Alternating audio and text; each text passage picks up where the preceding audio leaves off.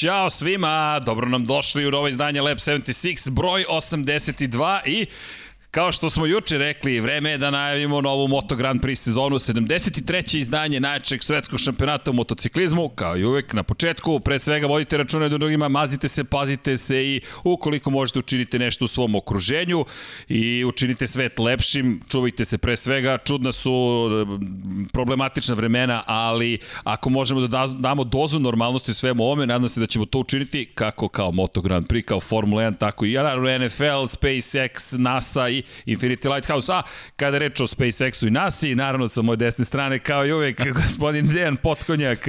Zdravo, deki. Ćao, I jesi mi dobro? Odlično. Odlično. Da, da. To, to, je, to je samo da napomenem majica, oskrnavljena, ali sada očišćena. Reparirana. reparirana. Mada, pokrenuo si novi trend za one koji ne znaju, Lep je bio u zelenoj boji prošli put i u čast, u čast pretpostavljam novog Ferrarija, međutim sada je to čista bela boja, a ja imam, evo, imamo i bele majice, pa eto, ko želi može da kupuje u devet različitih boja i ne znam nija koliko veličina, ali da se ne pretvorimo u klasičnu reklamu, no, lajkujte ljudi, subscribeujte se ukoliko ste zadovoljni, naravno onim što činimo, vreme je da mi krenemo na Moto Grand Prix, rekli smo naslov, novi kralj, pretendenti i legenda. Mislim da je to prikladno, nekako smo bili inspirisani filmovima i celom pričom, Kentucky Kid je tu sa nama, pamtimo Nike Hednela i Deki, 2021. je tu pred, pred vratima, još dva dana do prvog treninga, ludo će biti u petak. Gledam raspored, studio na sport klubu 10.30. Od 11.45 prvi treninzi kada, kada je reč o Moto trojkama, sat kasnije kreće Formula 1 i onda samo na izmenično MotoGP, Formula 1, malo preklapanja, MotoGP, Formula 1 i tako sve do nedelje uveče za one koji gledaju glavne događaje, uslovno rečeno 17.00 za Formula 1, 19.00 za Moto Grand Prix, naravno pre toga Moto dvojke i Moto trojke i sve to direktno na sport klubu. Okej, okay da krenemo mi, uh, brz, imamo puno toga što moramo da ispričamo. Moto Grand Prix, Moto dvojke, Moto trojke, Moto E, spomenut ćemo samo ovlaš, dotaći ćemo ga se kad dođe vreme za taj šampionat, ali da krenemo od kraljevske kategorije. Deki, šta mi uopšte možemo da očekujemo? Ajde od prve trke za početak, da krenemo od prve trke, da, da budemo skromni nekako najava, ili možda želimo celu sezonu. Šta ti kažeš? Pa, kako god hoćeš, mislim, možemo da, da, da krenemo po, da, da, da ovaj, izanaliziramo nekako šta će se, šta, šta može da nas očekuje u sezoni, a da onda pređemo na... Na Bahrein. Na, pa, na Bahrein, da, Katar, izvinjam se. ja sam još u Bahrein, nema ali pustinje da, je to. Da, Evo, Dom Pavlo već odmahuje da, glavom, da, da, srđane, srđane. Promenio sam samo majicu, meni nisu sklonili sa ove pozicije 24 skoro časa. Šalno stranu. Ok, sezona. Sezona pred nama, kao što smo rekli, 73. Trebalo bi da bude uzbudljiva, to je zagarantovano su uzbuđenja. 19 trka je potvrđeno za sada. Dve su na čekanju. Velika nagrada Argentine i Velika nagrada Amerika koje je trebalo da budu na programu već sada na početku. Krećemo 28. marta koji je tik pred nama. 4. aprila Velika nagrada Dohi. Velika nagrada Katar je prva trka, druga je Velika nagrada Dohi, ista staza Losail. Da. I ono što smo rekli, nadoknađujemo za propuštenu 2020. kada smo imali Moto dvojke i trojke na ovoj stazi, ali ne i Moto Grand Prix trku. Zatim 18. aprila još jedno preklapanje sa Formulom 1. Inače, velika nagrada Portugalije Portimao. Pa 2. maja, velika nagrada Španije u Herezu, čuveni početak evropskog dela sezone koji je već počeo zapravo s obzirom na činjenicu da ćemo biti u Portugaliji dve nedelje ranije. Zatim 16. maja velika nagrada Francuske, poznati Le Mans, 30. maja Mugello, najzad se vraća na kalendar, velika nagrada Italije, 20. juna Velika nagrada Nemačke Saxon Ring takođe ponovo na kalendaru. Zatim 27. juna Asen ponovo na kalendaru. TT čuveni je tu 11. jula. Prvi put Kimi Ring i velika nagrada Finske, zato je 10. trka sezone, zatim 15. avgusta ogromnu pauzu imamo između Finske i posete Austriji, velika nagrada Austrije, Red Bull Ring, pa zatim 29. avgusta velika nagrada Velike Britanije u Silverstonu, velika nagrada Aragona 12. septembra u Aragonu, velika nagrada San Marina i Riminija, Marko Simoncelli u Adriatiku, Mizano Adriatico, stazi 19. septembra i 3. oktobra kreće ono što smo i juče nekako ponavljam se malo kada je reč o Formuli 1, ali ovo je Moto Grand Prix, velika nagrada Japana, Motegi, zatim velika nagrada Tajlanda 10. oktobra, Bahrein, dobro Bahrein, Buriram, šta je meni s Bahreinom? Nešto me vuče taj Bahrein, Buriram, a zatim 24. oktobra velika nagrada Australije, Ostrovo Filip, pre nego što odemo u Maleziju, opet To su ta velika pitanja, 7 dana kasnije i završimo sezonu 14. novembra u Valenciji, a nadamo se uz sve to dodamo još i ove dve trke. Rezervna trka takođe postoji velika nagrada Indonezije, Mandalika, takozvana ulična staza i Nadam se da neće biti potrebe za rezervnom stazom, ali da ćemo dobiti tu 21 trku i to je početak sezone. Da, dakle, prvo naš kalendar, kao što možete da primetite, Katar je tu, već su vozači tamo, većina je spremna i novinari polako stižu, a onda počinje evropski deo šampionata i traje sve do oktobra kada se nadamo da će se stvari normalizovati iz perspektive COVID-19. Pa da, juče ste spominjali, bilo bi dobro da se normalizuje da nemamo taj neki evropski šampionat to bi bilo onako baš, baš pogubno da imamo dve godine za redom, ali jednostavno takva je situacija, moramo da se pomirimo i bilo bi odlično da, da, da ovaj kalendar koji imamo ovde pred nama da, da ovaj da, da, da uspemo da, da realizujemo sve te trke, posebno taj oktobarski deo pre, pre povratka u, u Valenciju, to bi bilo zaista sjajno da, da se nađemo na tim stazama, ali jednostavno vidjet ćemo kako bude situacija. Imamo eto, sezonu podeljenu na dva, na dva dela, onako kao što je i uobičajeno, do te finske ovaj, mnoge stvari će se možda iskristalisati, a možda i dobijemo neku sezonu koja je uh, slična prošlogodišnje, što može, može da se desi da imamo veliki broj pobednika, da imamo nezgodnu situaciju, vozače koji jedni drugim oduzimaju bodove, a, a sve to pričam pre svega misleći na, na povratak Marka Markeza koja je, eto, nažalost, potvrđeno nećemo imati na, na uvodnim trkama u Kataru. Da, na početku sezone nedostaje u ovom naslovu stari kralj, ali to smo dodali u naslovu za YouTube i to jeste nekako dodatna priča koja se otvorila pred početak godine, Mark Marquez. Novi kralj je tu, John Mir na Suzuki brani svoju titulu, zasluženu osvenu prošle godine. Pretendenata je skoro pa 19, zapravo ima još 19 pretendenata, još i više zapravo. Možda ja možda oduzimam nekima to pravo, uslovno rečeno, ali suštinski svi koji će sesti na motocikl bi mogli biti pretendenti. Naravno, preteruje malo, ne zamerite, ipak je početak sezone i imamo legendu Valentina Rose koja je umeđu vremenu rekla da želi još dve godine da se takmiči. Cenim da i on čeka publika da se pojavi na tribinama i da se oprosti od celoga sporta ko zna, možda će biti toliko konkurentan da i ove godine vidimo neke pobede, pričat ćemo o tome i onda ta priča o Portimao i potencijalnom povratku Marka Markeza. Odakle da krenemo? Ćemo da krenemo od svetskog šampiona. Nekako imam osjećaj kao da smo ga zapostavili, njega i ekipu Suzuki pa, generalno, u, da, Suzuki, u, u najavi tako, sezone. Tako Propustili je. smo priliku da pričamo o Suzuki, osim iz perspektive toga da je Davide Brivio otišao, menadžer je sada Alpine u Formuli 1, međutim, Joan Mir šampion sveta, nosi na leđima makar broj 1, zadržao je svoju 36-icu i kreće u odbranu titule, jedna pobjeda u karijeri u šampionskoj godini. Prošle sezone dve titule ukupno, jednu u Moto Trojkama, jednu u Moto Grand Prix i deluje da bi Joan Mir u ovoj celoj priči mogao mogao da nam ove godine pokaže i više od prošle sezone, kada je reč o ne samo o konstantnosti, već i toj konkurentnosti za pobede i plasmane pobednička postolja, a i u kombinovoj konstantnosti. Vanja, jesi li mi dobro? čulo se kako nešto pada, ali ne brinite, studio možda nije, ali Vanja je dobro, a samo su ljudi važni. Tu je Vanja, Dom Pablo, ne znam zašto se smeje u ovom trenutku, ali ne brinite, Vanja je u redu. Elem, da se vratimo mi na Joana Mira, hoće li biti sve u redu ove godine? To je, meni je zanimljiv taj Suzuki generalno, jer mislim da u sobstvenoj garaži ga vreba možda jedan od najvećih rivala. Pa, ono, imali smo prošlu sezonu da su oni praktično čitavu godinu odradili kao, kao i Senke, a u stvari vrlo dobro znamo da da, da je svaka trka bila, bila maksimalna, jednostavno iskoristili su situaciju gde, u kojoj je najvažnije bila, bila konstantnost.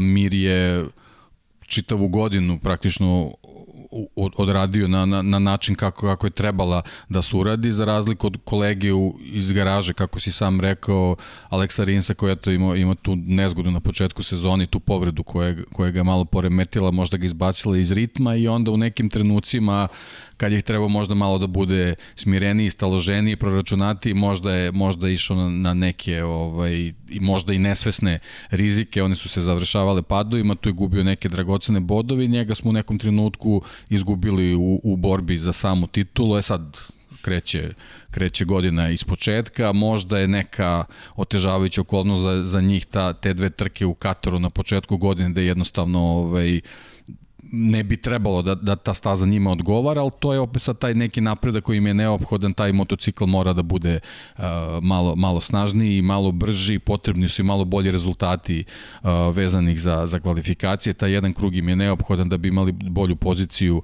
na gridu i onda samim tim se mnogo, mnogo lakše ulazi u, u trku, ali to, to ćemo bukvalno moći da vidimo tek ovaj, kad se pogase svetla na prvoj trci, ali u stvari i ovaj posle prvih kvalifikacija da vidimo u stvari da li, da li se u tom kontekstu nešto, nešto promenilo u Suzuki. Što se tiče njihove vožnje, njihovih stilova, prošle godine su pokazali to su jednostavno, to su šampionski stilovi vožnje, znači njima je samo bitno da je mašina ispod njih za neki procenat da bude bolja i kvalitetnija, da li, da li će to zavisiti od toga što su izgubili glavnog menadžera, pa sad nek, neka je druga priča oko same organizacije, ne znamo, vidjet ćemo, ali što se tiče samih testiranja, deluje da je, da je to ok, da je to taj neki recept koji je, koji je primenjen, oni su nalaze među prvih deset, stalno su u vrhu bili i, i tokom testova, tako da, da nema razloga da, da ne nastave na isti način i sledeće godine. Potreban je samo neki mali napredak. O, ono što ne govori u prilog njima u novoj stazi, kao što si rekao, pa je i istorija. Ako pogledamo, samo tri proizvođača su ovde slavila. Neće biti iznenađenje kada kažem da je Ducati jedan od ta tri proizvođača. Verujem da poznavalcima neće ni Yamaha biti iznenađenje. Honda, tri pobede i da biste triumfovali na ovoj stazi morate da se zovete ili Mark Marquez, ili Casey Stoner, ili Sete Gibernau. Dakle, Sete 2004. zabeležio pobedu za Honda, čuvena njegova poslednja pobeda u karijeri, onaj duel sa Rosijem, o kojem smo pričali za one koji eventualno ne znaju, zakletva posle žalbe koja je uložena protiv Rosijevog tima, pa je Rossi rekao kada je startao sa začelja, na kraju izleteo u sred trke, da Gibernau nikad neće pobediti i nikad nije pobedio. Posle toga su čekali Stonera da dođe na Hondu 2011. godine da zabeleže triumf i Marquez u onoj sezoni kad ima 10 pobeda u prvih 10 trka 2014. Je bilo sve jedno koje je staza. Tako je, nevažno je bilo da, gde da, smo. Da, da. Ali je pobeđivo, pobeđivo, pobeđivo. Međutim, U poslednjih pet trka, ne pet godina, prošle godine nismo imali trku, dve pobede za Andreu Dovicioza i Ducati, Tri pobede za Yamahu i to različiti vozači. Vinjales jednom, Lorenzo jednom, Jorge Lorenzo, Maverick Vinjales, Maverick Vinjales koji je još uvek fabrički vozač Yamahi i Valentino Rossi koji će biti na fabričkoj Yamahi, ali u Petronas ekipi i kada pogledaš Yamaha i Ducati deluju da će voditi kao što si rekao glavnu da, reč. Da, to su činjenice koje jednostavno ne idu, ne idu prilog Suzuki, ali eto, ako, ako ovu godinu poredimo sa, sa prošlom sezonom, ni, ni prve dve trke u Jerezu prošle godine nisu baš Obećalo. najbolje krenule za njih, posebno za Rinsa. Po, povreda i... Povrede, tako, tako da ovde, ovde je bukvalno ovaj, dovoljno da dok ne krene taj evropski deo ovaj, sezone sa stazama koji mnogo više odgovaraju da jednostavno dobiju neku, neku veću, veću, da osvoje neku veću količinu bodova nego što su imali prošle godine, možda i, i neki korak više, ovaj, ali ja, ja verujem da, da oni to mogu da, da urede. Suzuki deluje kao da će biti više nego spreman bez Moramo, jednostavno moramo da računamo njih, oni su nismo pokazali taj su posebno u finišu sezone. Da, nismo da. videli taj pad uz odlazak Brivija i nekako tim kao da je, neću reći kompaktniji, ali kao da je u vanrednoj situaciji i da se za sada tako ponaša i snalazi na adekvatan način. Vidjet ćemo na osnovu rezultata, naravno, i razvoja motora tokom sezone, koliko je moguće razvijeti ga, da li će se to držati do kraja sezone i da li će možda eskalirati potencijalni sukob između Rinsa i Mira. Očekujem da se to ne desi, mislim da su jedan i drugi dovoljno sazreli baš i što pod Brivijom, što sami kao pojedinci i da će uspeti to Suzuki da održi i deluje mi kao tim koji će biti veoma, veoma opasan ukoliko ne naprave nikakve incidente međusobno, a do sada su to izbegli cenim da će ovo biti onaj tim što stalno treba gledati, posmatrati i Suzuki, iako je najmanje spominjan nekako. Upravo sam to htio da kažem, jako je zanimljivo da ponovo nisu u centru pažnje, e, nekako smo najmanje e, saznavali neke njihove promene, napretke vezane za, za, za delove koji mogu da se unaprede pre sledeću e, sezonu i oni sami nisu mnogo pričali o tome, tako da to sve liči nekako na scenariju od prošle godine, pa ćemo videti. Eto, jedino malo je nezgodno, taj Katar baš možda nije ovaj, uh, prilika gde možemo da, da procenimo njihove stvarne kvalitete, ali eto, dovoljno je da budu za nijansu bolji nego u Jerezu i već od, od treće trke možemo da očekujemo dosta od njih. Šampion u svakom slučaju zaslužuje da bude spomenut i absolutno. da bude istaknut koja god da je trka. Ovo je njegova sezona da. kada novi kralj postoji u Moto Grand Prix-u. Samo da podsjetimo ove sezone kada govorimo o titulama osvojenim u kraljskoj kategoriji, postoji samo novi kralj, John Mir, i samo legenda zvana Valentino Rossi koja ima sedam titula u najjačoj kategoriji.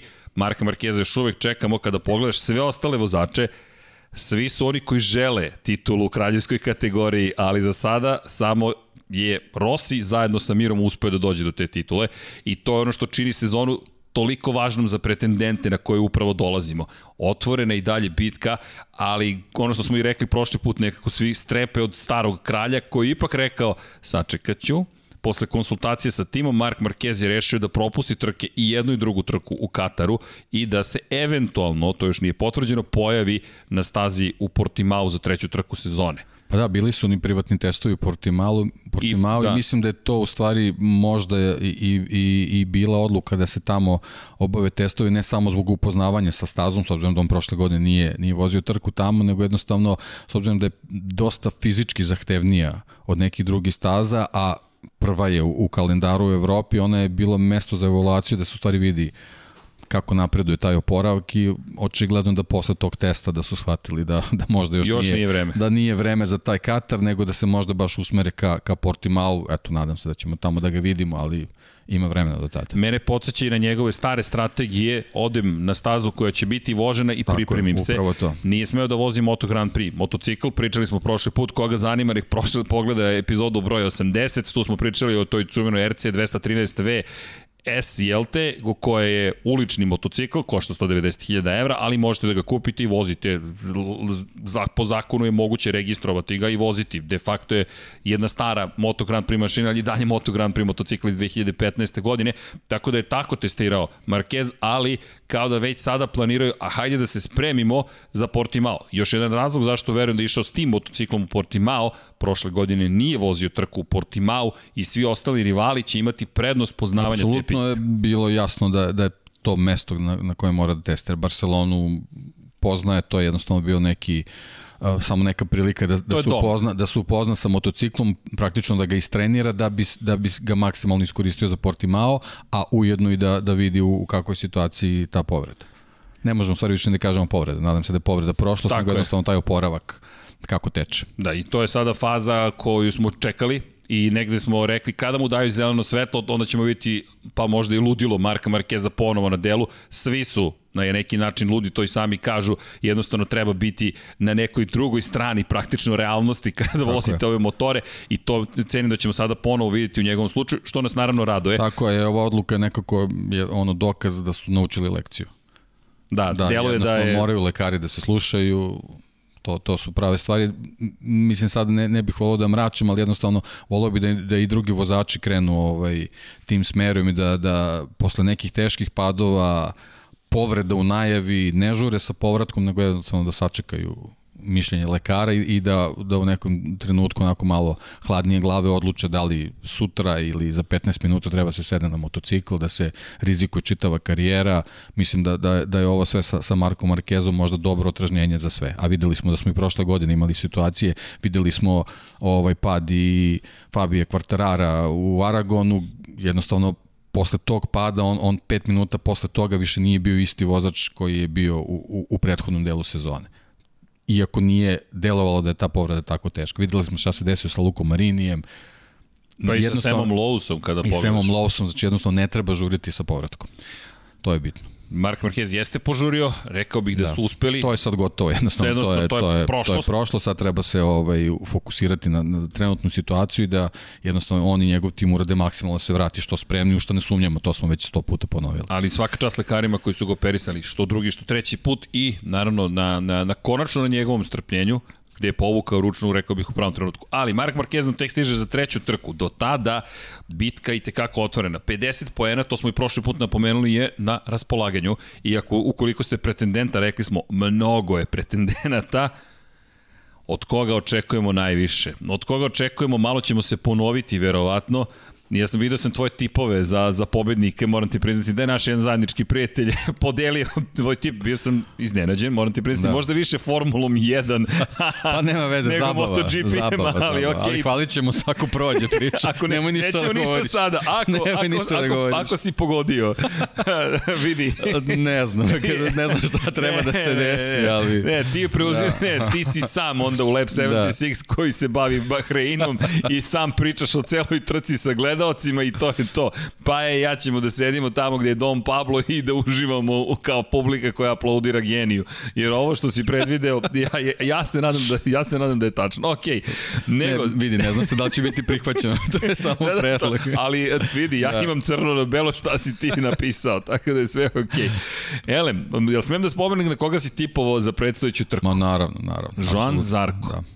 Joan Zarko, ljudi, za one koji nas nisu pratili, ne znam zašto, tokom zimskih meseci, ali Deki tipo je na čoveka koji će biti na GP-u 21 na Ducati. U ove godine stigaju u pramak Ducati, pridružujemo se Novajlija Jorge Martin, nekadašnji šampion sveta Moto3 kategorije, Zarko i on na Desmosediciju GP21, kao i Jack Miller i Francesco Banjaja, fabrički vozači Ducatija. Međutim, ti biraš Zarka. Ljudi, nemojte nikada se kladiti na što ja kažem. to da znate. ali čekaj, da. zašto? Mada si mi dao ideju zašto Zarko, ali da čujem, da, baš me zanima da li... E, mogu ja da ti kažem koja mi ideja?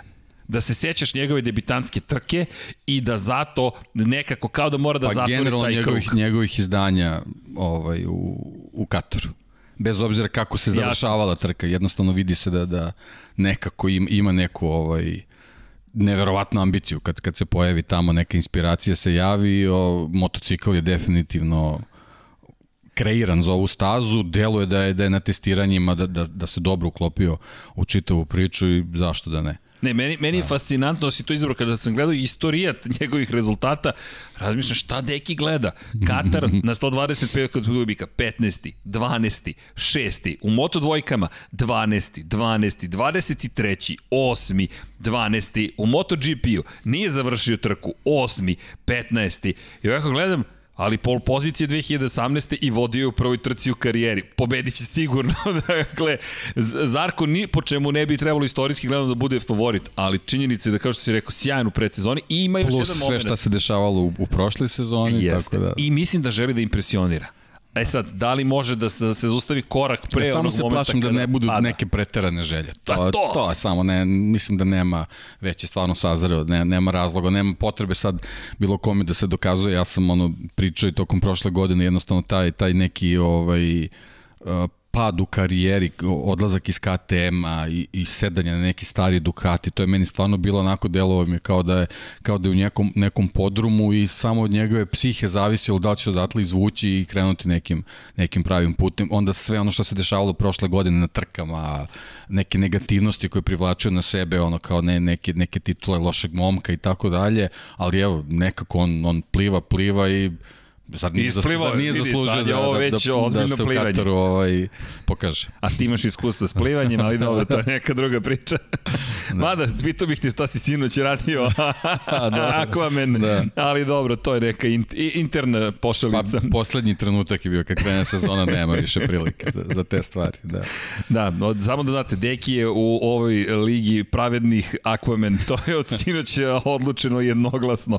No, Joan Zarko, ok, meni se dopada to tvoje tipovanje, uzbudljivo je, to je uzbudljiv vozač, 30 godina puni ove godine, dve titule šampiona sveta u Moto2 kategoriji, dobio priliku, kad se setimo tih momenta kada je iz KTM-a izašao, to je bilo pre godinu i po samo, to je sred 2019. bilo, pa otišao da zapravo vozi Honda u Lučiće Kinelo Racinga kao zamena da, za takake na sam zaboravio. Da, Razumeš, znači on je bio i na Honda. Da, ali nekako i ta Honda je bila kao bolja situacija od Ducatija gde je završio, znaš, na, na na Avinti. Na Avinti. A Avintiju je prodao da. prilično da. dobro. Avinti je skočila da. vrednost da. na tržištu, sad je A to pola dobro, to je to jednostavno taj, taj splet okolnosti bio u smislu da je konačno moralo njemu da krene u nekoj situaciji. Ej, pol pozicija i plasma da. na pobjedičkom postolju uz najbolji dugi krug svih vremena sad zapisano. Neće niko da. nikada odvesti bolji dugi krug, ali Zarko je sve učinio što je trebalo. Nije imao trkačko delo za sponzore, dakle nije imao sponzore, čovek sve je rekao da spali, spalit ću sve iza sebe jer verujem toliko u sebe. Ok,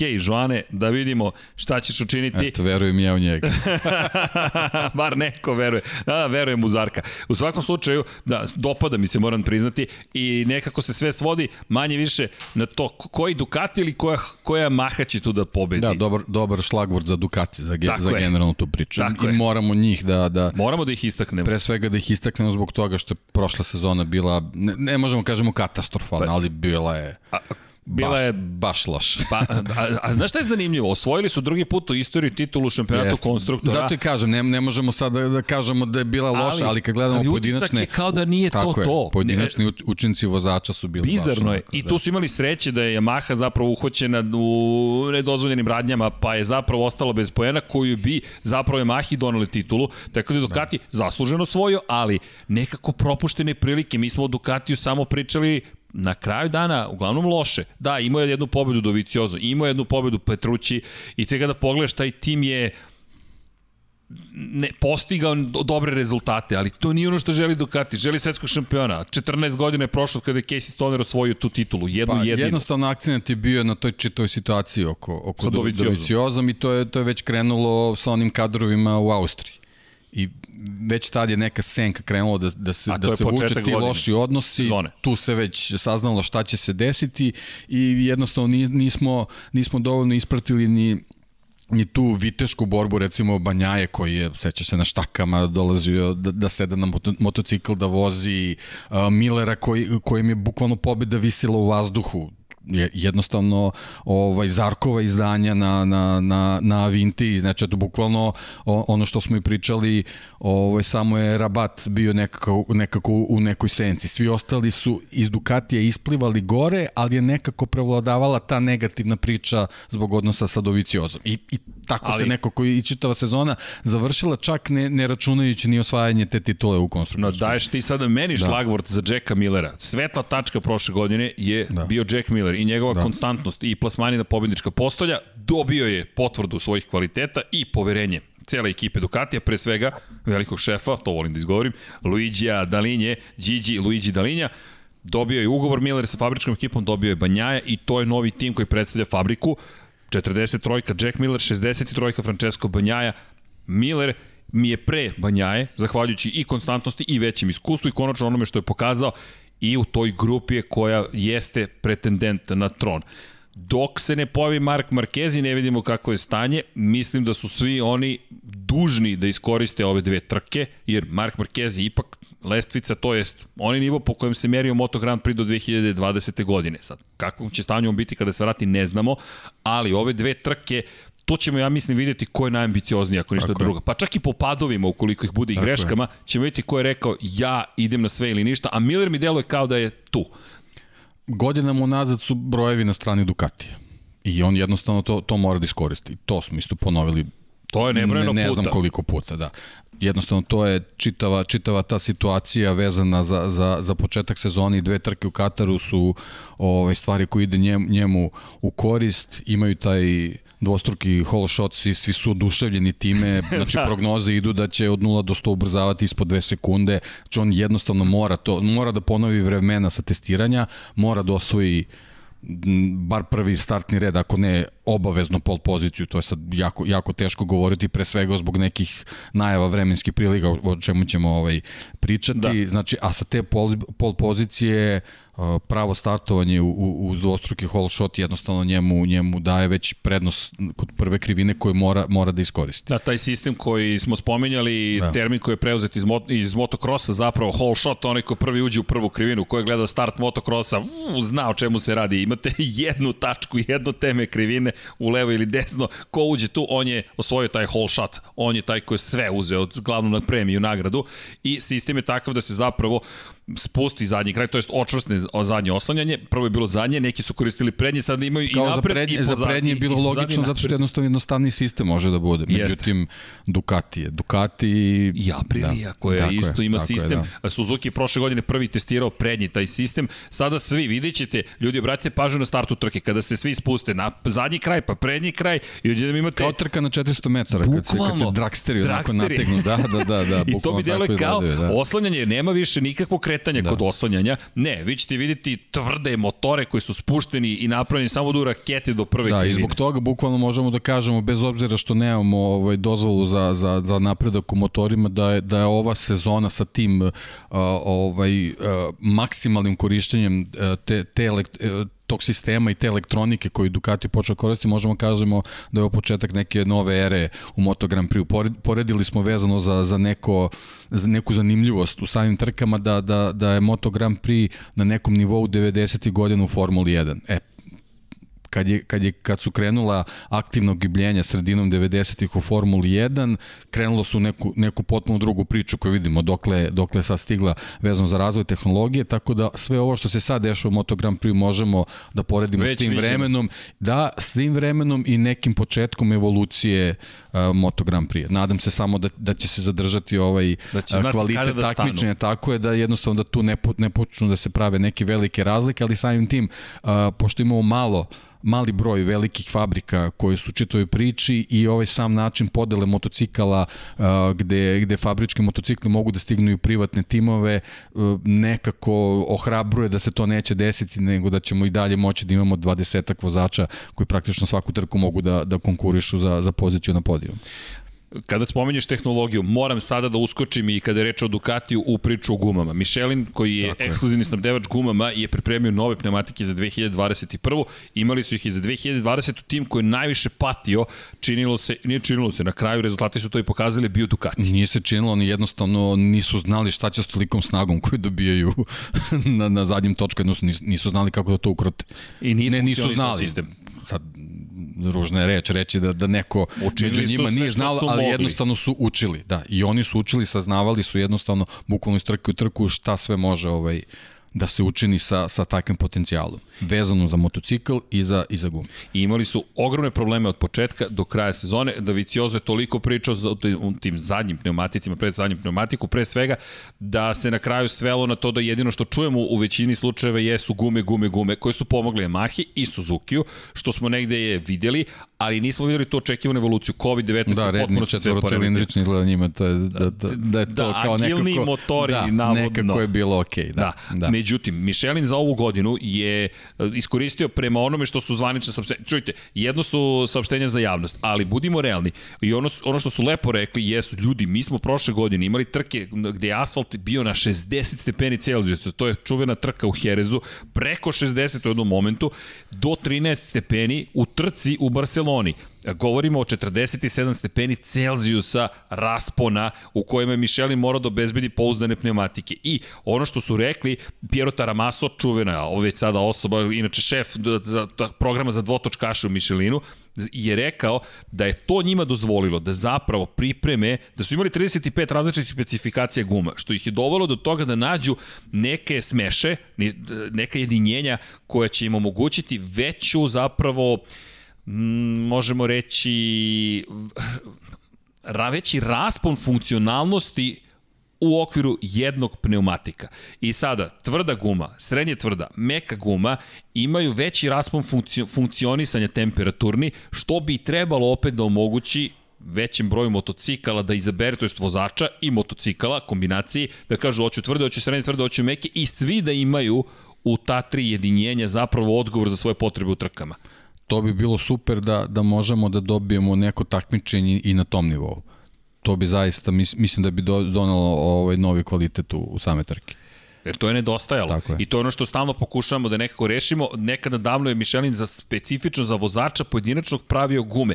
Čak se je događalo da vozač, pogotovo veliki vozači poput Valentina Rosija, u petak ili subotu kažu oću ovakvu i ovakvu gumu, Michelin proizvede preko noći tu gumu i privatnim avionom je donese samo za potrebe ja, trke. Eto, to je još jedna prednost Moto Grand Prix odnosno Formula 1 to je Formula 1 jednostavno nemoguće. Nemoguće, da. nemoguće, da. A to su ranije radili, onda su prešli na standardizaciju i došli do toga da sada pokušavaju da, da vrate to vreme kako? Tako što će tri različite jedinjenja zapravo dati to. Nađi svoju savršenu tako gumu. Je, tako e sad, da li su uspeli?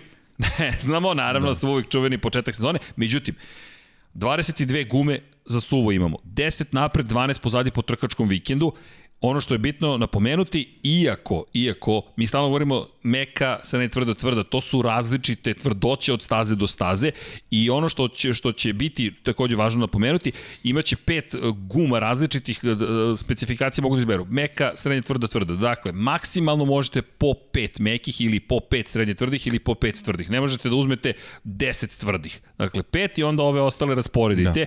Da. Šest na zadnjem kraju i oni koji prođu u Q2 deo kvalifikacije vozači dobijaju po još jednu prednju i i zadnju gumu, to je preuzeto iz Formule 1, gde ko stigne do Q3 ima jedne gume koje se koriste samo za kvalifikacije. Što je meni super, s obzirom na činjenicu da kada prođeš kroz Q1, dešavalo se da vozači nemaju nove gume, jer su u Q1 potrošili sve gume i ostaje im jedan set koji se premaju za trku i onda sede u Q2 i ne mogu ništa da, da urade. Da, praktično kao da te neko kazni. Tako je. Da. A sada dobijaju još jedan set kuma i nećemo da. imati te scene više. A, ispravim ako grešim, ali ako se dobro sećam, mislim da je, da je nekolicina vozača rekla da će za, za ove trke u Katoru jednako srednja, srednja tvrdoća biti onako neki pravi Trebalo izbor bi. s tim što uh, više naginju ka mekim nego ka tvrdoj. Problem, da. najveći problem je ono što si negde već najavio, vremenski uslovi i da. pustinske oluje, E, to količina... Dobro, to ćemo kad budemo da, najavljivali trku, da, ali, samo to da napomenu. To je, da. Količina peska koja se nalazi na stazi može da dovede do toga da ne znate na kraju koju ćete gumu da izaberete. No, do nedelje će imati vreme da se pripreme i samo da napomenemo, 13 guma kada je reč o gumama za kišu, 6 napred, 7 pozadi, meke ili srednje tvrde da morali smo da, da napomenu da Michelin pripremio nove gume da bismo se vratili na Ducati. Ukoliko Ducati zaista može da iskoristi ove gume bolje nego prošle godine, uz povećanje snage koje smo videli i uz sve ove promene vozačke, deluje kao zaista moćan tim dodaćemo, dodaćemo Luku Marinija i Neo Bastianinija koji će imati dve godine star motocikl u okviru Avintije, to je Avintija kroz VR46, to je e-sponzorama Racing takozvani, to je zvanični naziv ekipe i tu ćemo pratiti kao što je Martin Novajlija. Trojica Novajlija od šest vozača Ducatija, trojica su Novajlije. Jeste, s tim što Martinu je možda naj, najnezgodnija situacija, ima novu evoluciju motocikla sa kojim se timovi ovaj, upoznaju, dok, da. dok Marini i Bastianini ipak imaju motocikle sa kojima inženjeri dobro barataju, naravno ne Avintini, ali naravno da će oni dobiti ogromnu podršku iz Ducatije za sve što bude trebalo posebno ver deo garaže, tako da ovaj, verujem da, da će oni imati dovoljno a, informacije da ono što su i sami rekli, a to je da su se jako dobro upoznali sa, sa motociklima, da, da, da im leže, ovaj, da će to moći da iskoriste neki način da tokom sezone dodatno napreduju. Naravno, jako je teško od njih očekivati na, na, na početku godine da, da nešto urade, ali samim tim što sede na, na, na Ducatijima i što su kvalitet takav kakav jesu, svaki njihov dobar rezultat, ono, jeste da će biti iznenađenje, ali u stvari će biti ali, jako pozitivna stvar. Ali da li očekuješ da neko od njih bude među top 10? Pa zašto da ne? Ja očekujem zašto isto. da ne? Verujem da će neko od to njih... Je, to je polovina grida, to nije, ovaj, jel, jel oni definitivno imaju prednost sa tim motociklom. Gledam Beštiju, da. moram da ti priznam. Da. Gledam Beštiju kao agresivca koji će reći Ok, sad ćete da vidite šta ja mogu, još uz podatke koje imaju u sponzorami od prošle godine, kada su Zarko i vodili, vozili, i to je taj isti motocikl. Oni bukvalno imaju podatke vezane za Zarka šta je dobro, a kod Tita šta u stvari možda nije bilo dobro. Tako da to kad Spreman se uklopi, tim. to kad se uklopi sa, sa, sa njihovom naoštrenošću i želju da, da, da se dokažu, mislim da ovaj možemo da imamo i tu dva dobra vozača koji se priključe vrhu, a da ne bude samo jedan kao prošle godine Zarko. I šta očekujemo od Francesca Banjaje? Banjaju nismo nekako spomenuli, ja mislim da, da je meni to najveći upitnik koji imam od, da. od, od svih na startnom poredku. Zašto? Banjaja gore dole da. kada reč o veliko formi. ushićenje vezano za, za određene nastupe, a onda dva velika minusa, jedan za koji naravno nije kriv ta, ta mislim, nije kriv, ovo, jednostavno dešava se ta povreda, a s druge strane ono, onaj pad u vođstvu u Mizanu, to je nešto što onako i, i njega je dosta obeležilo u, u nastavku sezone i jako se teško oporavio od toga ako, ako se do kraja oporavio, tako da to možemo samo da vidimo ako se nađe ponovo u situaciji da, da vodi trku, da vidimo da li je, da li je nešto naučio iz toga.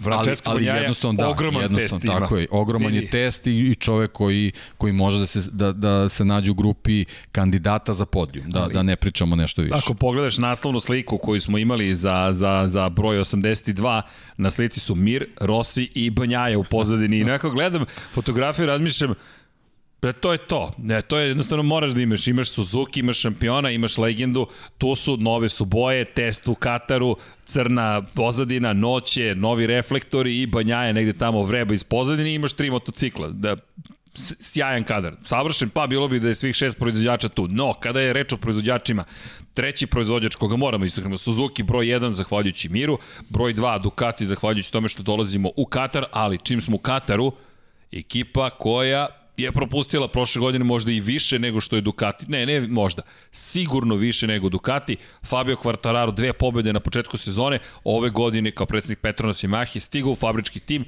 M jedinica je donekle unapređena, sedi u garaži sa Maverickom Vinjalesom koji je takođe pobeđivao ovde i započinju jednu novu eru. Maverick Vinales je rekao od kada je otišao Rossi, sada je to jedinstven tim. Nije da mi se pretredno to, ne kažem, dopalo, ali čak mi se nije ni dopalo, kao da odjednom se baviš i dalje prošlim kolegom, a ne sa sada svo sobom i šta te čeka, a i čudno mi je bilo šta to znači, da je Rossi zapravo rasturao jedinstvo u okviru Yamahe, kako god vidjet ćemo Vinjales da li može da najzad učini ono što nije učinio, da te silne najave oženio se, pretvori i u konstantne rezultate zajedno imaju ozbiljan izazov. Oni sada predstavljaju fabričku ekipu Yamahe, pričat ćemo i Valentino Rossi u Franku Morbidelli koji su Petronas Yamahe, ali Yamaha je odredila ko su nominalno njeni vozači broj 1 i 2. Da, i to moramo poštojemo, to, je, je, to je fabrički tim, tim Yamahe i to je ponovo ogroman pritisak na Maveriku Vinjalesu. To je jednostavno stvar koja mu se i sezone, u, u sezonu ponavlja jednostavno i, i za njega je krajnje vreme da, da, da pokaže svoj kvalitet, a ne da se, da se bavi samo, samo tim nekim, nekim pričama, opravdanjima ili, ili prebacivanjima krivice. Jednostavno mora, mora da, da, da pokaže sve ono što je pokazao na, na, na svom debiju u, u, u Yamahi u Moto Grand Prix. Znači, to je jednostavno nešto što je što je za njega ono podmoranje. Jednostavno mora tako da bude, pritom ima Yamahu koja bez obzira opet e, tu su neka negativna svetla kao, kao što je bila priča sa Ducatijem i Doviciozom, Yamaha jednostavno imala te neke tehničko-organizacione probleme, da ih tako nazovem, zbog, zbog čega su bili ovaj, i unazađeni vezano za, za osvajanje Konstruktorske titule, imali smo Kvartarara koji je bio konkurent za, za titulu u, u situaciji gde on uopšte nije trebao da se nađe u toj ulozi. Znači, ta uloga je jednostavno bila namenjena Maveriku Vinjalesu koja iz razno raznih razloga potpuno pala u vodu, nikakva kombinacija nije dolazila u obzir, iako on u, do, do nekog trenutka sezone čak bio među četvoricom vozača koji su se matematički borili za titulu uvek je bio u toj nekoj priči, ali kad god se očekivala od njega da se napravi neki veći korak, posebno posle Mizana i, i, i pobede, jednostavno ništa se nije desilo. Pa da, i Barcelona meni se čini kao da je bio moment koji mora da iskoristi to je, to je bio to je bio taj trenutak, a umesto njega desilo se da je čitao priču vezano za Yamahu preuzeo motociklista koji se nalazi na, na motociklu koji je godinu dana stariji svih. Sada već dve i Sada, još uvek tako ga ima. tako, i još uvek ga ima, čak, čak nije dobio neka aero napređenja, zašto jednostavno se ne uklapaju u šasiju koji on vozi, on će čovjek voziti zaista stari motocikl. Pričamo o Franku Morbidelli. Franku da. E-sponzorama i deo Petronas Yamahe. Međutim, bez obzira na sve to, kao što smo rekli, Yamaha je izabrala svoje predstavnike i to je to što sada moraju da pokažu prosto i Quartararo i Vinales. Ogroman test je pred njima pitam se na kraju sezone da li će zaista biti i mislim da neće biti vodeći vozači. Zašto? Pa opet kada pogledamo Petronas Yamahu, Rossi kao Rossi ulazi u određene, odavno je ušao određene godine, ali to je Valentino Rossi, to je legenda ovoga sporta, 42 godine ima, rekao i još dve godine bih volao da vozim, to je 44, gde je 44, tu je i 46, ali ok, nije nužno, čak mislim da se ni ne bavimo više nje, očekivanjima od njega rezultatskim. Tu je, ok, nekako je postao sastavni deo Moto Grand Prix, nije otišao na vrhuncu slave, hvala mu na tome, zašto? Dozvolio je praktično da uz njegovu slavu publika upozna novu generaciju vozača i na taj način, rekao bih, omogući dugovečnost Moto Grand Prix iz te perspektive. Vidim dosta pitanja šta će biti kada Rossi se povuče. Pa da, Rossi će ostaviti jednu prazninu, ali isto tako i on stvorio jedan kontinuitet. Da, ne možemo da znamo, jednostavno i tu, tu imamo priču kao što dolaze nove generacije vozača, dolaze nove generacije publike. Znači, mi smo sad neki koji smo o, bukvalno ga ispratili kompletno njegovo odrastanje, sad nam je stvarno jako teško da, da zamislimo ovaj grid bez čoveka koji je stariji od od, od, on, on više sezona u, u Grand Prix trkama, Moto Grand Prix trkama ima nego, nego polovina vozača na gridu godina.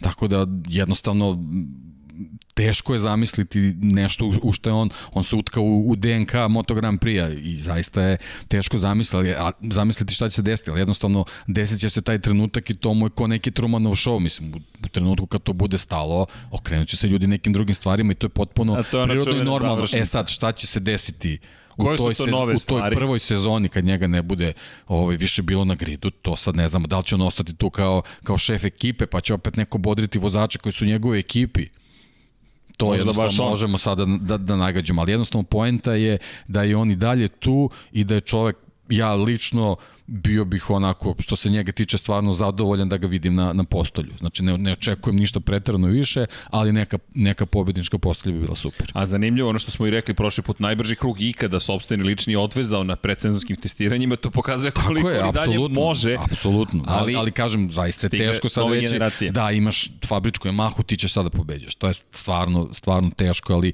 nije nemoguće. Ali, Jednostavno nije nemoguće i upravo ta Barcelona koju si spomenuo je pokazala da to nije nemoguće. Ali šta je moguće? nemaš fabričku Yamahu, ali možeš da pobeđuješ. Da. Ne zaboravimo da Franco Morbidelli, što si rekao, je pobeđivao na kraju sezone, bio konstantno konkurentan, bio stalno na pobedničkom postolju i na kraju bio vice šampion. On je bio najbolje plasiran Yamaha. I ono što smo, što smo i prošli put rekli, a, a možda nije zgorek pamtiti, nekako smo stekli utisak da, je pro, da su prošle godine vozači Petronas Yamaha, Yamaha mnogo lakše stizali u priliku za pobedu i čuvali svoje prvo mesta, nego što je što su u fabričkoj Yamahi uopšte dolazili u situaciju da se nađu u prilici za pobedu. Što nas vraća opet i na, naravno, sistem za start, jer ukoliko Yamaha zaista želi pobedu, pogotovo u Kataru, cenim da mora da bude ispred Ducatija u prvoj tako krivini je, i onda da se je. nada da će do poslednje krivine biti dovoljno ispred da Ducati ili Honda, o kojoj ćemo tek pričati, spremamo da. se, kada daju pun gas, prosto samo nestati negde u daljini. Da, uh, dobar je, dobra, je, do, dobra je stvar uh, uh, primetiti da je recimo Maverick Vinales mnogo, mnogo vremena potrošio vežbi, vežbići start na kraju kvalifikacija tokom pre ne, ne, neko je računa i, i, brojao i kaže da, da, da po 15-20 puta vežbao start tokom jednog jednog dana ovaj testiranja tako da, da i sa suvim kvačelom i, i, i probali su znači situacije kad nemaju vremena da ga promene sve sve moguće stvari su isprobali da ne dođe do proklizavanja znači da, da su i oni svesni koliko je bitno uh, da kad se nađeš na, na, na toj startnoj crti možeš donekle da, da, da pariraš Ducati. Ali vraćamo se. Ključna stvar su kvalifikacije, mora da se nađeš na dobroj poziciji da bi uopšte mogo da razmišljaš o tome da, da im pariraš na samom startu. Pošto svi onako napređuju svoje startne sisteme, doćemo do toga da se sad međusobno poništavaju i da opet kvalifikacije su broj 1. A Maverick Vinales je tu imao najveće probleme. Kako god intrigantno je u Yamahi, ne znamo ko će tu izroniti, ko će isplivati. Najmlađi u celoj priči jeste Fabio Quartararo, Morbidelli je takođe veoma mlad. Vinales već polako ulazi u zrelije trkačke godine, da polako, ali sigurno... Pa dobro, to može možda da mu bude i neka prednost. Nadajmo se. Nadajmo se. Zbog njegovih izdanja do sad. Da. da. Malo stabilnosti, ali kažemo, oženio se, ne bavimo se ličnim životom toliko koliko bi moglo to da mu donese tu potrebnu stabilnost i, i van staze koje utiče i na samo ponašanje na stazi, pa će možda to biti neki dodatni, to ne samo To smo recimo kod Kračla dobili svoje vreme. Jeste. Jeste njegova da. Prosto ženitba i rođenje deteta. Rođenje deteta posebno na njega uticalo veoma pozitivno. Jeste. Kračl koji je sada probni da. vozač Yamaha. I da. to je zanimljivo. I, da, i to trebamo da to, to ne smemo da zaboravimo. Do, doći da. ćemo da. i do toga. Da. No, četiri Yamahe na, na, na startnom poredku i ne zna se ko će tu da bude najbolji, ali ukoliko bi negde trebalo očekivati da uz dobre kvalifikacije i dobar start se bore, ipak je to i dalje Katar. Mada, moram priznati da dajem veću prednost mnogo ove godine Ducatiju, skoro 360 km na čas na pravcima, 357 nezamisliva su, da. su brzine koje već počinju da, da postižu. Ono što ide u prilog Yamahi u ovoj četovoj priči je kad se pogledaju ovaj, sabrana vremena sa, sa testiranja, u prvih pet su dva Ducatija, Miller prvi i Banjaja peti, a između su tri, tri Yamahi. Vinales, Quartararo i Morbidelli. Što nas vraća opet na istoriju. Ducati da. i Yamaha se Tako ovde je. ističu. Tako ali, je. ali imala je Honda i svoje momente slave. Hondu ove godine predstavljaju Pole Spargaro i Mark Marquez u fabričkoj ekipi i u Lučiće Kinelo Racingu Alex Marquez i stari znanac Takaki Nakagami koji je najzad dobio najnoviji model Honda, dobio fabričku Hondu za 2021. Prvi put u istoriji četiri fabričke Honda, spektakl u najavi. Nismo kritikovali Yamahu, ali evo ja ću iskoristiti priliku. Jedini tim koji nije zapravo dao četiri fabričke mašine jeste Yamaha uz ono čudno objašnjenje, ostaću politički korektan, da nisu, nemaju vremena da naprave novi motocikl, ne verujemo, ali činjenice da Honda jeste pripremila četiri fabrička motora, Marka Markeza neće biti, Štefan Bradl će ga ponovo menjati, svetski šampion iz 2011. Moto2 klase i momak koji testira zapravo za Hondu i koji je najviše dana proveo testirajući Hondu u Kataru. Rupu su našli u sistemu. Kako? On je probni vozač, prijavite Marka Markeza za trku, onda pred početak trke u poslednjem trenutku kažete Mark Markez neće voditi, mi nominujemo našeg probnog vozača, rezervnog vozača da vozi trku, a on je imao i one dane koji pripadaju samo probnim vozačima koji ne mogu da imaju fabrički vozači, s izuzetkom Aprilije koja, zahvaljujući lošim rezultatima, je izuzeta od tog pravila. No, koje šanse im dajemo? Pole Spargaru, ja moram da krenem od Pole Spargara, uz dužno poštovanje i Nekagamiju i Aleksu. Ne, moramo krenemo od Repsola kao što smo kretali od Monster Yamahe. Pole Spargaro da. je stigao u Hondu. Napustio je KTM, bio je Yamahi, osvojio titulu 2013. u Moto2 klasi i rekao je, ljudi, ovo je moja poslednja šansa da ja postanem prvak sveta u Moto Grand Prix kategoriji odličan u predsezonskim testiranjima, među vodećih 10 neprekidno, u samom vrhu među top 5 na kraju i deluje kao da se vrlo brzo prilagodio, da je zaista njegov stil vožnje odgovarajući za Hondu. Ne znamo da li je ova Honda prosto bolja od prošlogodišnje, ali zajedno izgledaju vrlo dobro na stazi. 44-ka mi deluje da može na pobedničko postolje u prvoj trci za Hondu. To je moj utisak. Da, on je nekako na, na, na krilima tih dobrih rezultata sa KTM-om, ali moramo i to da se setimo da njemu sezona baš nije prošle godine počela najbolje, a nastavile se tako što su neki drugi vozači pobirali lovorike vezane za, za prvu pobedu i tako dalje i tako dalje. Ovaj, ali jednostavno nekako se čitava sezona završila u, u pozitivnom trendu, uključujući tu najavu potpisivanja ugovora sa Repsol Hondom, onda čitava ona najava njegov dolazak u ekipu i tako dalje, tako dalje, sve, sve je proveljavalo nekom pozitivom i onda se dese ti testovi da je on stvarno pokazao vr, da se vrlo brzo prilagodio tom motociklu motocikl njemu, kako god.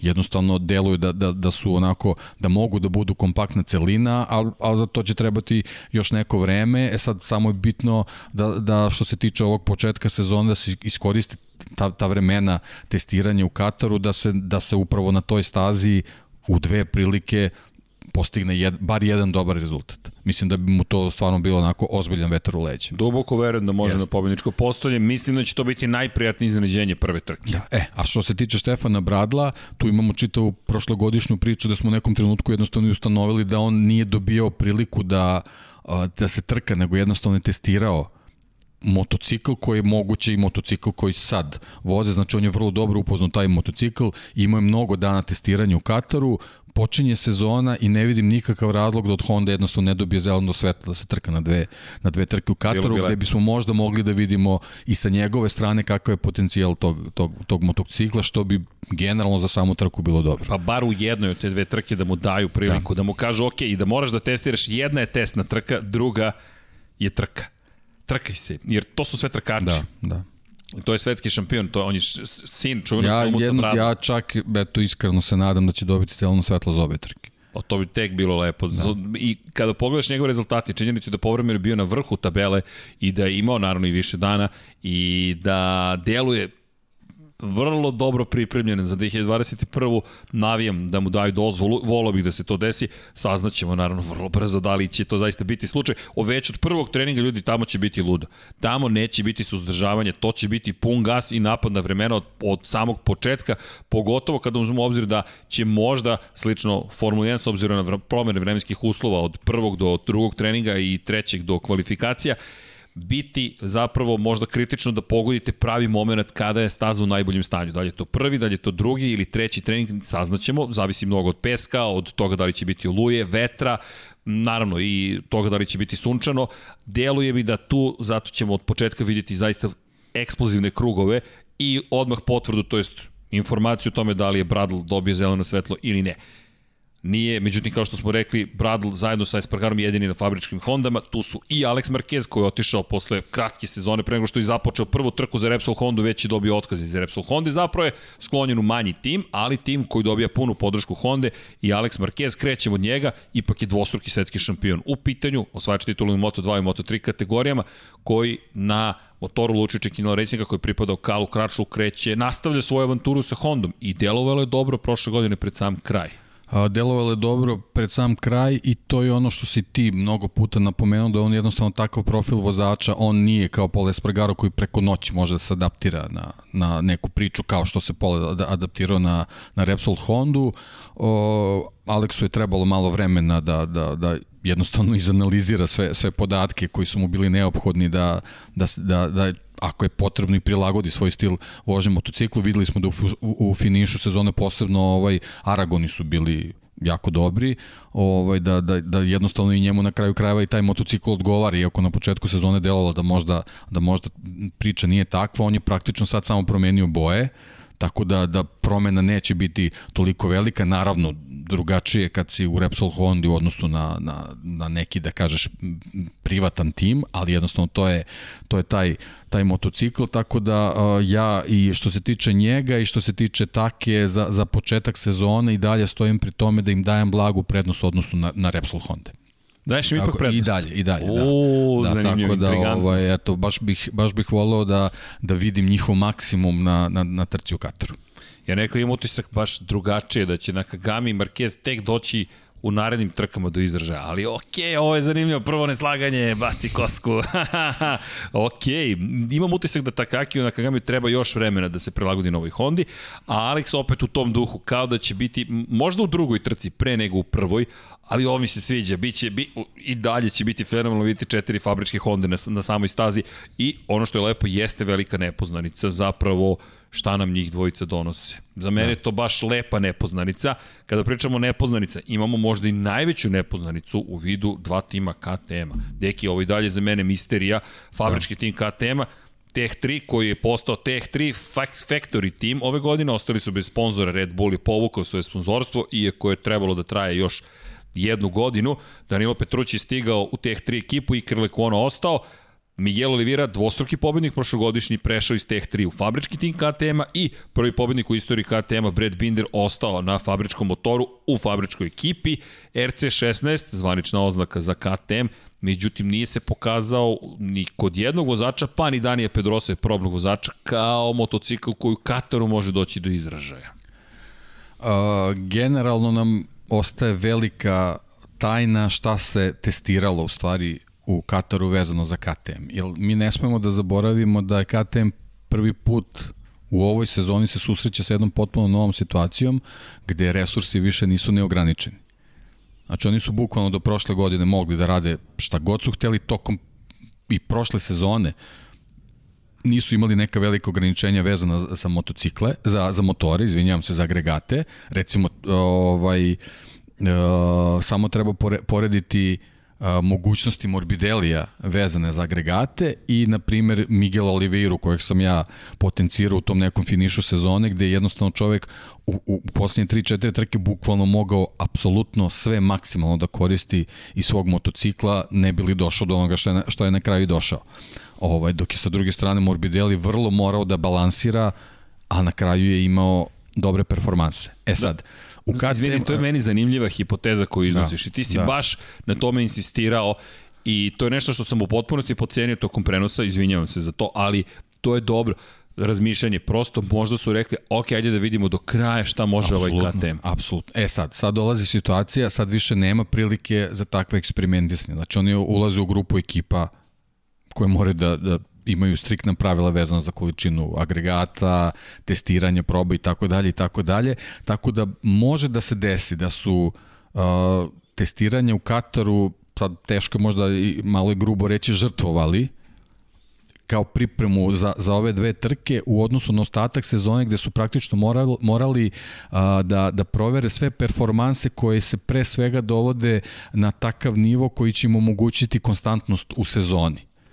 E sad, da li će taj KTM novi biti identično jak kao prošlogodišnji, to sad ostaje da se vidi i to je možda neka stvar koju su možda uspeli pametno da sakriju, ali To će nam to ne već kvalifikaciju u Kataru pokazati. I kada pravimo paralele neki, ako ne možemo jedan na jedan to da uradimo, Aprilija prošle godine u predsezoni sjajna, kada je došlo trkanje, bez obzira na to što ima veći broj motora na raspolaganju tim, je došlo do toga da su morali da obuzdaju konjažu, ne bili bili pouzdani, to je završavali trke. Ne znamo da li je to slučaj to sa KTM-om. To i što smo rekli, a usaglasili smo se da je jako bitna stvar to iskustvo test vozača koji je KTM prošle godine maksimalno iskoristio, jednostavno Dani Pedrosa je, je bio čovek koji je možda bio i, i odlučujući faktor u tom nekom finom podešavanju motocikla da se snaga koristi na, na pravi način tamo gde je neophodno, a da je sa druge strane uh, motocikl upravljiv na nekim drugim, na drugim mestima gde snaga nije toliko bitna. Znači, taj balans je izuzetno bitan, uh,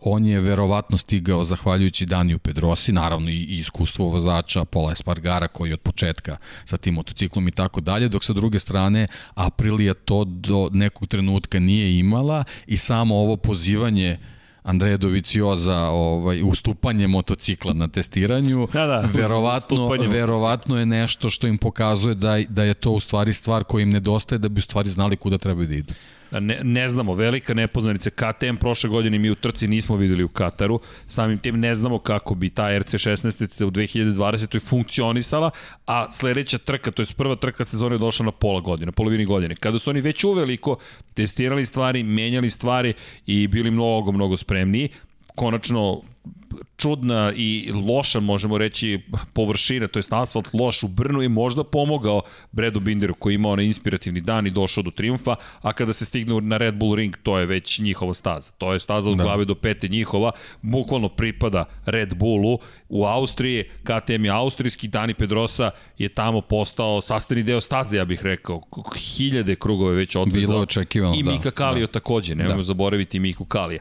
Tako da, kada je reč o, o KTM-u, to nam je najveće pitanje. Eto, ne znam to je, da, mislim, da mislim da, da su testiranja koristili za, za neke pripreme, da tako kažem, čitavih sistema, čitavih sklopova, da jednostavno izguraju uh, godinu na, na, nekom dobrom, na nekom dobrom nivou.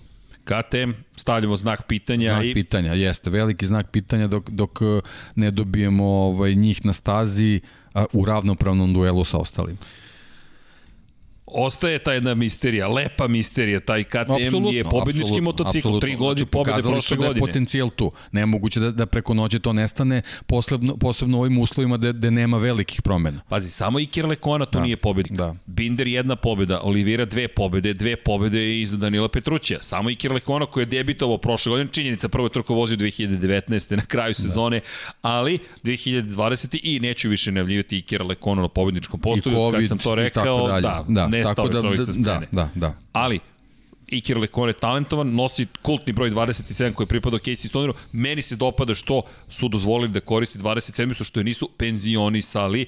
Nema potrebe za time, tako se da odaje počast nekim svojim herojima i idolima i meni je lepo vidjeti 27 tako da navijam za Ikera da nešto više postigne.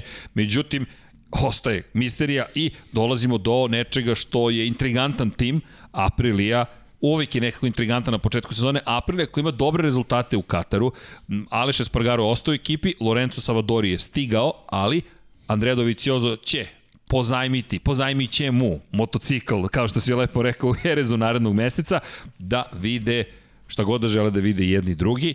Mislimo nekako da je to priprema pot, za potencijalnu saradnju u budućnosti, ali koja je vrlo podređena željama Andreja Dovicioza, koji može da kaže motor nije dovoljno dobar, ipak neću da se vraćam ili pregovaram s nekim drugim, ili s druge strane može da kaže ok, ovde ima potencijala, Italijana na italijanskom motociklu, hajde da sarađujemo. Pa korist je uzajamna i više struka.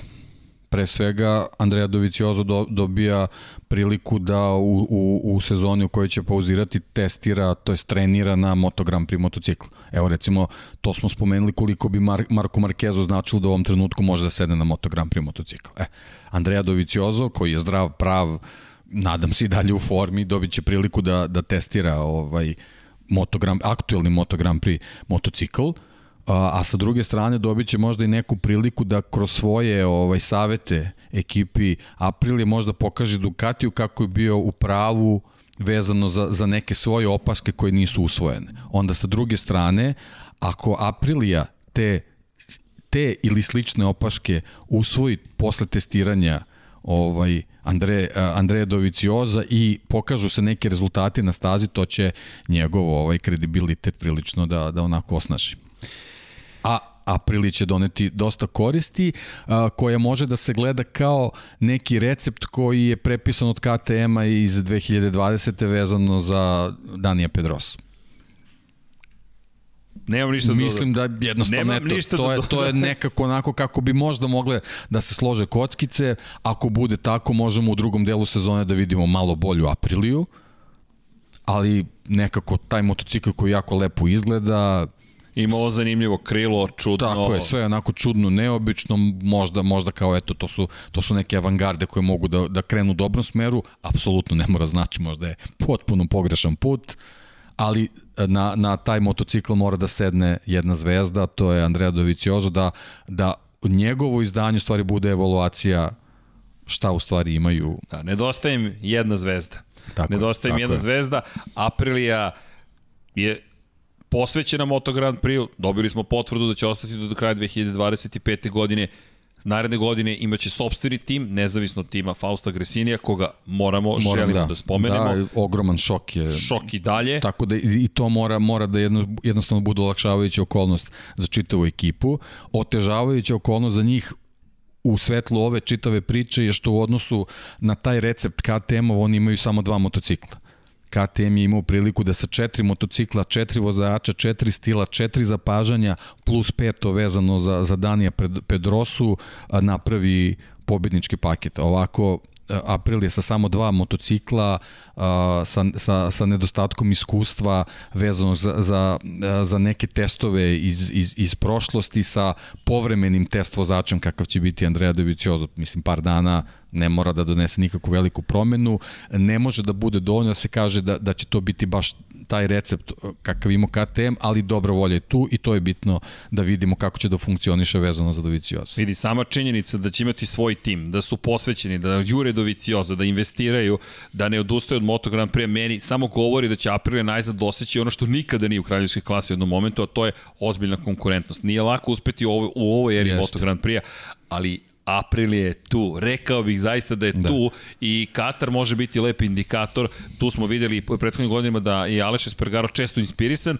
Na forward je Mahi činjenica ima jedan od najboljih rezultata u karijeri, četvrti je bio, ali generalno je tu lepo videti šta da, mogu prilika da... Je, prilika je da mogu da se ostvajaju konstantno bodovi, a recimo neki, neki, neke dvocifreni ovaj, poeni bi bili onako stvarno super za njih prošle godine, nismo ih videli u Kataru, tako da ne znamo, ponavljamo to, međutim njihova je, prva godina saradnje, šesta da. pozicija, ja je nekako pamtim po dobrom, dve godine kasnije su bili deseti, bilo je tu nažalost i odustajanja, međutim eto, aprili čekamo, a Lorenzo Savadori podobio čovjek priliku nekako potpuno zaboravljen u svemu ovome, Savadori imali smo priliku da ga pratimo, imali smo priliku da ga pratimo čak i u trkama Formula 1, u, u, u, zapravo kada govorimo o e-sportcu, u kup takmičenju Savadori se pojavio, tako da je pravi ljubitelj automoto sporta, inače nemojmo zaboraviti, čovek koji je dobijao prilike u Superbike šampionatu sa Aprilijom, nije bio spektakularan, ne mogu da kažem da je nešto više postigao, čak nikada nije bio na pobedničkom postolju, ali opet nekako poznajemo ga. Najveći uspeh da. imao u Superstok šampionatu od 1000 Da, i kubika. treba, mislim, treba spomenuti, ne, ne sad kao neku kritiku, ali jednostavno on je bio na testiranjem u Kataru sporiji od nekih test vozača. Ja Tako moram priznati da, da je eto, meni... Jednostavno, to, to je činjenica, od toga, toga ne možemo ovaj, da, da pristup. Da, da, Prosto dobio da. je priliku, verujem da je pre svega italijanska veza tu funkcionisala, da. ne vidim nikakav drugi smisao kada je reč o brzini, sigurno nije brže od Bradleya Smitha, koji nije dobio priliku da nastavi saradnju sa Aprilijom. Ali mislim da je ta talijanska veza presudila u izboru, ali jednostavno možda su sad i sa ovim potezom poziva Doviciozo Aprilija jednostavno shvatili da treba da bude italijan, ali da on mora da bude zvezda nije, nije stvar da bude bilo koji italijan. Ne znam, meni deluje kao neka da. nagrada za nešto što je postigao pre šest godina kada je bio šampion u Superstock šampionatu, ali to nije toliko, jeste to važan šampionat, svaki je važan, ali nije, ne može da se poredi sa svetskim prvenstvom. To je da. neuporedivo takmičenje. Eto, tu, i zbog Čudan toga, izbog. između oslog, ostaje žal nikad nećemo saznati kako bi Fausto Gresini prelomio tu odluku vezano za drugog vozača. Da. To ostaje status quo manje da. više na osnovu onoga što se desilo na kraju prethodne sezone. Kako god, mislim da smo, ne mislim, znam da smo pokrili sve, jedino ako sam nešto zaista, neko novi se pojavio među vremenu, mislim da nije, šalimo se naravno, to je Moto Grand Prix prva trka biće svakako luda, ne znamo da li je to implikacija onoga što nas čeka u sezoni ili ne, ali će sigurno implicirati stvari koje nas čekaju u drugoj trci pošto ostajemo na istoj stazi. Međutim, deki, moto dvojke, moto dvojke i moto trojke, kao najava moto dvojke i moto trojke. Evo jedan, jedan rezultat. Augusto Fernandez, katastrofalan je bio. Kat 24. Zaostao je sekundu i 84.000 tadela sekunde u odnosu na Sema Lousa. Ljudi, moto dvojke, to pozdravi za našeg dragog prijatelja Gorena. Ljudi, zaokružite svaku trku Moto2 klase ove sezone i pratite. Tamo će biti žestoko. Pa. Možda će Sam Lowe's, izvini, biti mm -hmm. najkonstantniji. Jeste. Ali mislim da ćemo svakog vikenda imati novog heroja, novog kandidata za pobedu, novog čoveka na pobedničkom postolju. Testovi su potvrdili još jednom da Moto dvojke mene asociraju na zlatno doba 250 kubika, kada si imao eksperte za Moto2 klasu, gde ih i sada polako dobijamo silom prilika. Nema više mesta u Moto Grand Prix. Toliko se podmladio Moto Grand Prix, gde ćeš sledeće godine u Moto Grand Prix? Ko će ostati bez posla da bi te angažovali? ti onda moraš da se dokažeš u moto dvojkama i da čekaš strpljivo. Da, bukvalno dva, eventualno tri mesta sa slobode i to je to. E, to je maksimum. Da, to je maksimum. To, ako se baš oslobode pozicije, ali ja ne vidim, Ducati je podmladio ekipu, Aprilia ima jedno mesto gde juri veterana, Yamaha pa ima svoje tri čoveka, možda ne verujem da će se odreći bilo koga, Honda ima dva čoveka sigurno, tri, rekao bih pa četiri, jedan Japanac mora da ostane, KTM je veran svojim takmičarima, Suzuki deluje takođe i onda odjednom šta ćemo u 2022. Pa ništa, ostaješ u Moto dvojkama. Da. I, i boriš se maksimalno i onda to sam hteo da kažem vezano za ovu tvoju priču o, o, o, o zanimljivosti. Kad se pogledaju zbirni rezultati testiranja, prvi 20 vozača u jednoj sekundi. U jednoj sekundi. Tako da to je, to je nešto što je stvarno indikativno da nas čeka još jedna odlična sezona, na kraju krajeva svaka je tako. Svaka, ali frapirao si me da. prošle nedelje kada si krenuo da nabrajaš ko je u Moto dvojkama. I Jake Dixon nam je bio 14. izbor. Ma ja sam sigurno izbor. nekog zaboravio, pa da, da, zaboravili da, smo da. koliko hoćeš, ali Jake Dixon dolazi kao neki 14. izbor, da. a Jake Dixon Dobro, Jake je Dixon ozbiljan. Jeste ozbiljan, ali, ali njega stvarno ovaj, moramo sa, sa razumevanjem da pratimo ovoj sezoni i naravno se radujemo svakom uspetu pre svega zbog teške povrede. Jednostavno ta ruka, vidjet ćemo kako će to sve da, da, da, da funkcioniše, trke će biti izuzetno zahtevne i jednostavno moramo da vidimo kako će uspeti da se snađe, ali on, on je rezultatima na testiranjima pokazao da, da je okej, okay, da je da tu. Li, Tako da, su, da li da. sumnješ da. u, u, u... Apsolutno ne, da, apsolutno to. ne, nego jednostavno kažem, bit će fizički jako teško, naravno sve vreme gledamo ovaj, u svetlu te povrede Marka Markeza, koliko je teško taj, taj povratak, posebno kad, kad je povreda ruke u pitanju, ali jednostavno je na testiranjima pokazao da je sjajan. Sam Lowe's? Sam Marko Lowe's, da, ja sam ne, Lowe's, evo, samo, da, samo, da. samo da, da, da, da te citiram od prošle da. godine. Sam Lowe's, Marko Beceki, Remy Gardner, Jake Dixon, Xavi Vierge, Boben Snyder, Nikolo Bulega, Raul Fernandez, ne zaboravimo koji je stigao iz Moto Trojke. E, to se sećam da sam rekao, čekaj, Raula Fernandeza nismo spomenuli, a on je stigao kao momak koji pobeđuje koji pobeđuje Albert Arenas, svetski šampion iz Moto Trojke je tu, Aaron Kane, Stefano Manci, Ajo Gura, Cameron Bobije, Joe Roberts, Marcel Schrotter, Toni Arbolino, Jorge Navarro, Fabio Di Antonio, Hector Garzo, Tomas Luti, Somkijat Chantra, Marcos Ramirez, Lorenzo Baldassari, Augusto Fernandez, Celestino Vietti, Lorenzo Dalla Porta, Jari Montella, Simone Corsi, Bali Baltus i Hafiz Šarin. Ti znači ovde... možda troje, eventualno četvora, da kažeš. Nema pobedu. Da, baš nisu, da. Pritom, njega smo i zaboravili, Fabio Diđan Antonio koje godine možda treba u Moto Grand Prix da bude. I odbio je Aprilio i rekao je, je sačekat znači, on je možda taj koji treba još jedan korak da, da napravi ovaj, još jednu stepenicu, što je, što je neki dokaz na njegovom kvalitetu a nabrojao si ga kao, ne znam, 15. 16. 15. 17. možda. Nema, da. nema imena da. koje, za koje možeš da kažeš ovaj momak ne može da se, čovek ne može da se bori za plasman na pobedničko postoje. Tek negde na kraju, kad dođeš do Montele, na primjer, i, i, i Barija Baltusa, da i Baltus koji polako se dokazuje, da kažeš pod znakom je pitanja. Ko je ovde loš vozač? Ja u Moto dvojkama ne vidim slabu kariku. Da. Da, pričali smo na primjer i o Renasu koji je došao kao šampion iz Moto Trojke, kako će biti potrebno vreme da se, da se privikne na novu kategoriju, na nove motocikla, on, on je na pola sekunde od, od Sema Lowe's. I poseban pozdrav za 33-godišnjeg čoveka koji ulazi u svoju 20. sezonu u Moto Grand Prix, to jest u svetskom prvenstvu u motociklizmu, Simone Korsija. Kako je to moguće? Pa nekada davno ste mogli da uđete u šampionat sveta i kao veoma, veoma, veoma, veoma mladi. 2002. godine prvi put seo na motocikl u Italiji se pojavio čovek koji imao tada 15 godina i ko evo ove godine puni činjenicu u aprilu 34 godine. Za sada je u 34. ali ima 33 pune godine. Italijan koji je beskonačni član svetskog prvenstva, ne znam kako uspeva, ali eto, Simone će i dalje biti tu na MV Agusti. Eto, upravo godine. to treba, ga, treba spomenuti, oni i Baldassari, ili tako beše, čini mi se voze. Da. Oni su na MV, na MV Agusti. Agusti nečemu što se zove MV Agusta, ali lepo videti te boje, to je, to je super i kad smo već kod te priče, jednostavno Galaxy su opet dominantni. To je to, da. Jeste. Dominacija. Ali znaš šta meni pada na pamet? Izgovorih kako ovo njemu 20. sezona, a došao je 6 godina posle Rosija u prvenstvo. Mlađi od njega 8 godina. Ali okej, okay. to je ta čuvena priča. No, kada pričamo o proizvođačima, činjenica da moramo da napomenemo nekoliko stvari. I ne samo kada je reč o proizvođačima, e, napominjemo dakle u, u, u priči o, o Moto2 kategoriji da je bilo promena, važnih promena u timovima, nekako fokusiramo se na ljude i ono što je takođe, rekao bih, važno napomenuti, nemate više speed up motocikl, sad se to zove Bosco Scuro. Dakle, ako pričamo o malo ćemo drugačije morati da izgovaramo, nema više speed upa, sada imamo Bosco Scuro, zašto Bosco Scuro, za one koji eventualno ne znaju, čovek koji stoji iz celog projekta je zapravo Luka Bosco Scuro i e, od sada se to zove Bosco Scuro.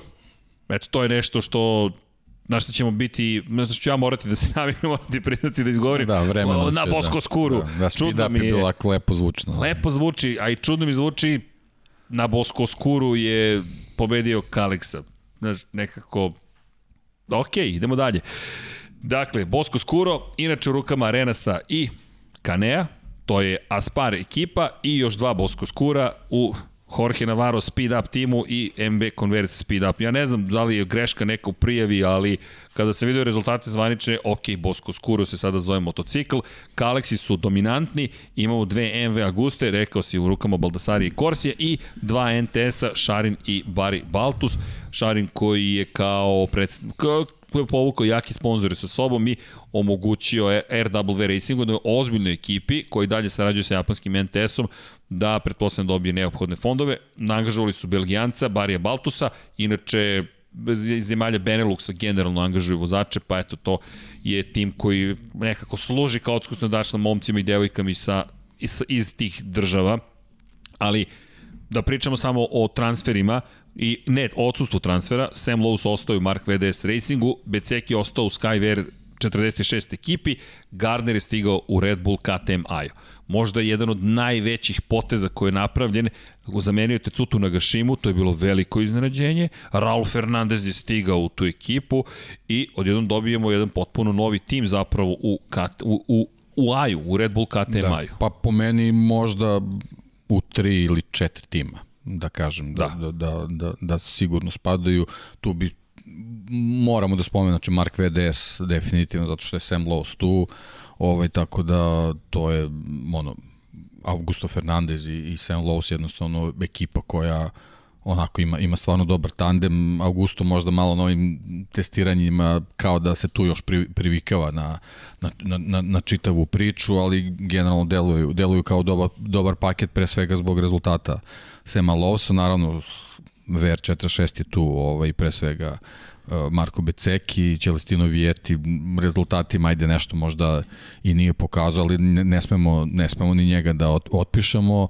Red Bull KT Majo naravno i Petronas. Petronas koji ima Jakea Dixona i Čavija Vjerhe. Tako je, Vjerhe Spomenjali koji... smo Dixona isto zbog, zbog svega, tako da... Vjerhe je brz, ali pomalo labilan, rekao bih. Kada da. stvari pođu on, suprotno onome što je želeo, da neću da kažem po zlu, pada u formi, ozbiljno pada u formi. Znaš koga bih ja izdvojio kao potencijalno iznenađenje godine? Čoveka koji je otišao Stop and Go Racing i mislim da je dobio najzad priliku na motoru koji će mu odgovarati Bob and Snyder. Jeste davno osvojio titulu u Red Bullovom kupu Novajlija, ali Bo imam utisak kao da se nikada nije suštinski dokazao. I provedeno vreme na NTS-u mislim da su do nekle izgubljene godine.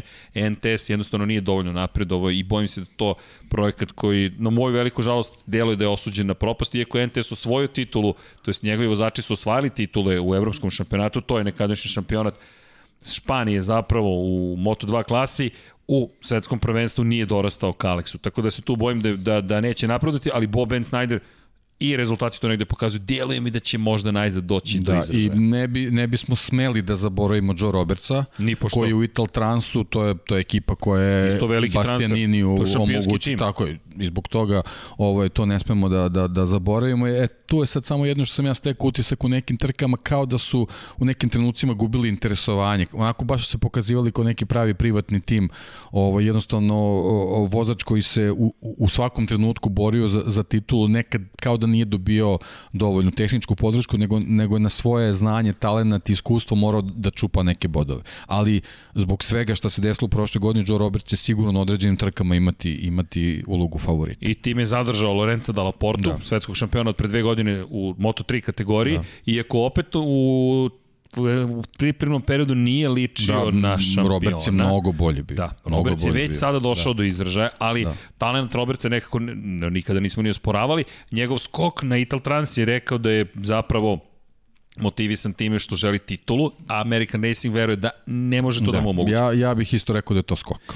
A, e sad, ali ostaje da se Cameron da. Bobije, deki. Da. Cameron Bobije je na kraju bio 13. u ukupnim rezultatima. Meni je to bilo veliko iznenađenje. Nemam još uvek formirano jasno mišljenje. Navijem za Bobijeja, zašto?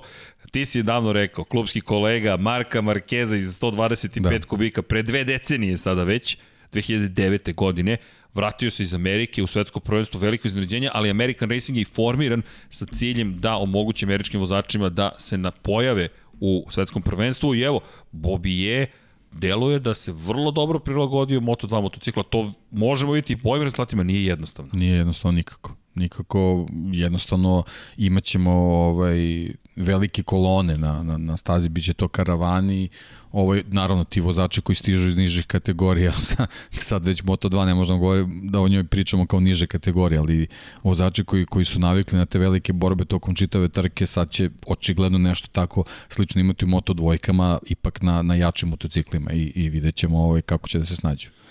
Meni to još jedno od imena koje je onako lepo zabeležiti, a i Ogura takođe bio dobar kao Novajlija, po, za mene pomalo iznenađujuće, ali Ogura deluje mi na osnovu prošle godine će bolje biti u testovima kada se od njega ne očekuje. Testovi i eventualno kvalifikacije i onda kad dođe trka nema, nema odlučnosti, nema, nema te, te neke, neke drskosti, nego sve, sve onako na neku finoću i neko džentlmensko ponašanje. U to u ovakvoj kategoriji poješće ga, jednostavno. Bukvalno će ga pojesti. Ga. Da, baš si lepo da. rekao, da. poješće ga.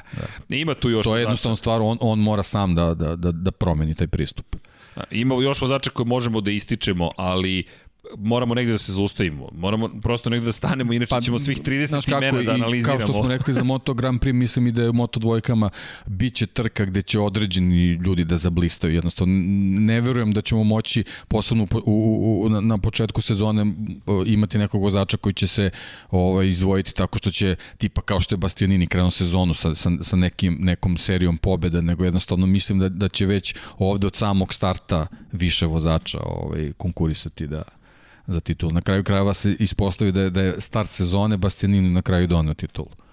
Je li tu bila neka prednost? Da nije, da nije bilo one, one strahote u, u, u Austriji s onim Udesom, bi možda bi on to i ranije ishendlovao, jednostavno videlo se on, on je bio u šoku 3-4 trke sledeće, bukvalno je trebalo da, to što sam pričao iz tog psihičkog šoka je trebala ekipa da mu pomogne da se izvuče, oni su nekako delovali prilično nezainteresovano, ali jednostavno ovaj, mislim da, da ovu, ovu sezonu nećemo tako početi, mislim da će tu više vozača da se izdvoji, osim onoga što smo pričali, ako Sam Lowe's bude na, na, na, na nivou kako je kako ušao u završnicu prošle sezone, mislim da će ostalima biti jako teško da drže kontakt s njim. Ali lepo si rekao, ove prve trke bi mogle da budu definišuće trke.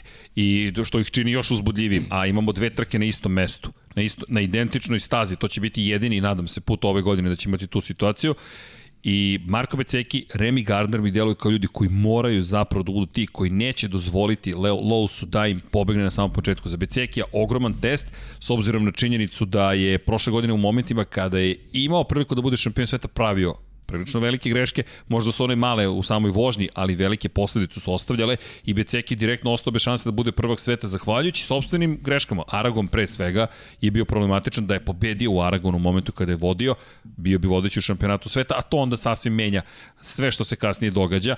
I Remy Gardner koji je zabeležio prvu pobedu u karijeri na kraju godine iz Stop and Go Racinga otišao u KT Majo tim, Red Bull KT Majo, što direktno vam otvara vrata mesta na koje su ga već pozvali, ko je dobio bio već poziv? Gardner je dobio poziv još prošle godine da skoči u Moto Grand Prix. Međutim, Gardner je rekao, sin inače Vejna Gardnera, svetskog šampiona iz 1987. u 500 kubika, pandan, danas je to Moto Grand Prix, je rekao, ja imam ugovor sa Stop and Go Racingom na dve godine. Ovo je druga sezona takmičenja, pod tim ugovorom neću da ostavim ekipu sada. KTM ga je nagradio i to mi se dopada kod KTM i rekao, ok, čekamo te, sada više nema mesta u Moto Grand Prix, ali nećeš biti kažnjen za svoju vernost. Mi ćemo te za lojalnost nagraditi tako što ćemo ti dati ugovor u Moto 2 klasi, što će ostaviti otvoren put za budućnost. To je njihova odlična filozofija i, i drago mi je što, što ne ustupaju od nje i samo bi se na, na ovu priču vezano za Katar nadovezano ono što smo već rekli, Joe Roberts, Ital Trans očigledno umeju da pripreme motocikl za ovu stazu i, i ova njegova, njegova, njegovi rezultati na testiranju odnosno na timsku kolegu pokazuju da možda može da, da se i on umeša u vrh na ove prve dve trke. Ti to, deki, samo dodaješ ulje na vatru, Kažem, to, mogu to, da samo neke, neke činjenice, da, neke činjenice odnosno na prošlu godinu, tako da jednostavno ne smemo da zaboravimo to. I još jedna stvar, mi Novajlije da. više ni ne tretiramo kao Novajlije. Ne, ne, jednostavno. Ovde ne možeš da budeš ne. Novajlija. To je izgubljen, to je pojam koji je prestao da postoji u Moto dvojkama. Pa i u Moto Grand Prix. Kakav Novajlija? Ti imaš, ne, imaš, evo, odmah, dokazivanje. Prva trka, dokaži se. I Druga to sezona. praktično bez testiranja. Bez, bez prilike su upoznan s motociklom i odmah moraš da budeš da. brz i odmah si da. brz. To ono što je fascinantno kakve generacije su došle i impresivne su u svakom smislu te reči. No, I možemo sad da ubacimo tu priču i Arenasa i da ubacimo i Bulegu. Sad samo možemo da dodajemo, ali rekao, hajmo da stanemo na sekund. Prva trka biće spektakularna. Ljudi, 30 ljudi koji su praktično u jednoj sekundi, to jest nije, ima tih par vozača koji su lošije vozili, Corsi, Baltus i Šarin, a nije Moto Trojka, nije Moto Trojka. Ne, Moto Trojke ne mogu da se mere više s Moto Dvojkama. Zapravo, u Moto 3 kategoriji u jednoj sekundi smo imali samo 12 vozača. Tako da Moto da. trojke postaje najlošija kategorija iz perspektive Dosadno. rezultata, da tamo je predvidivo. da.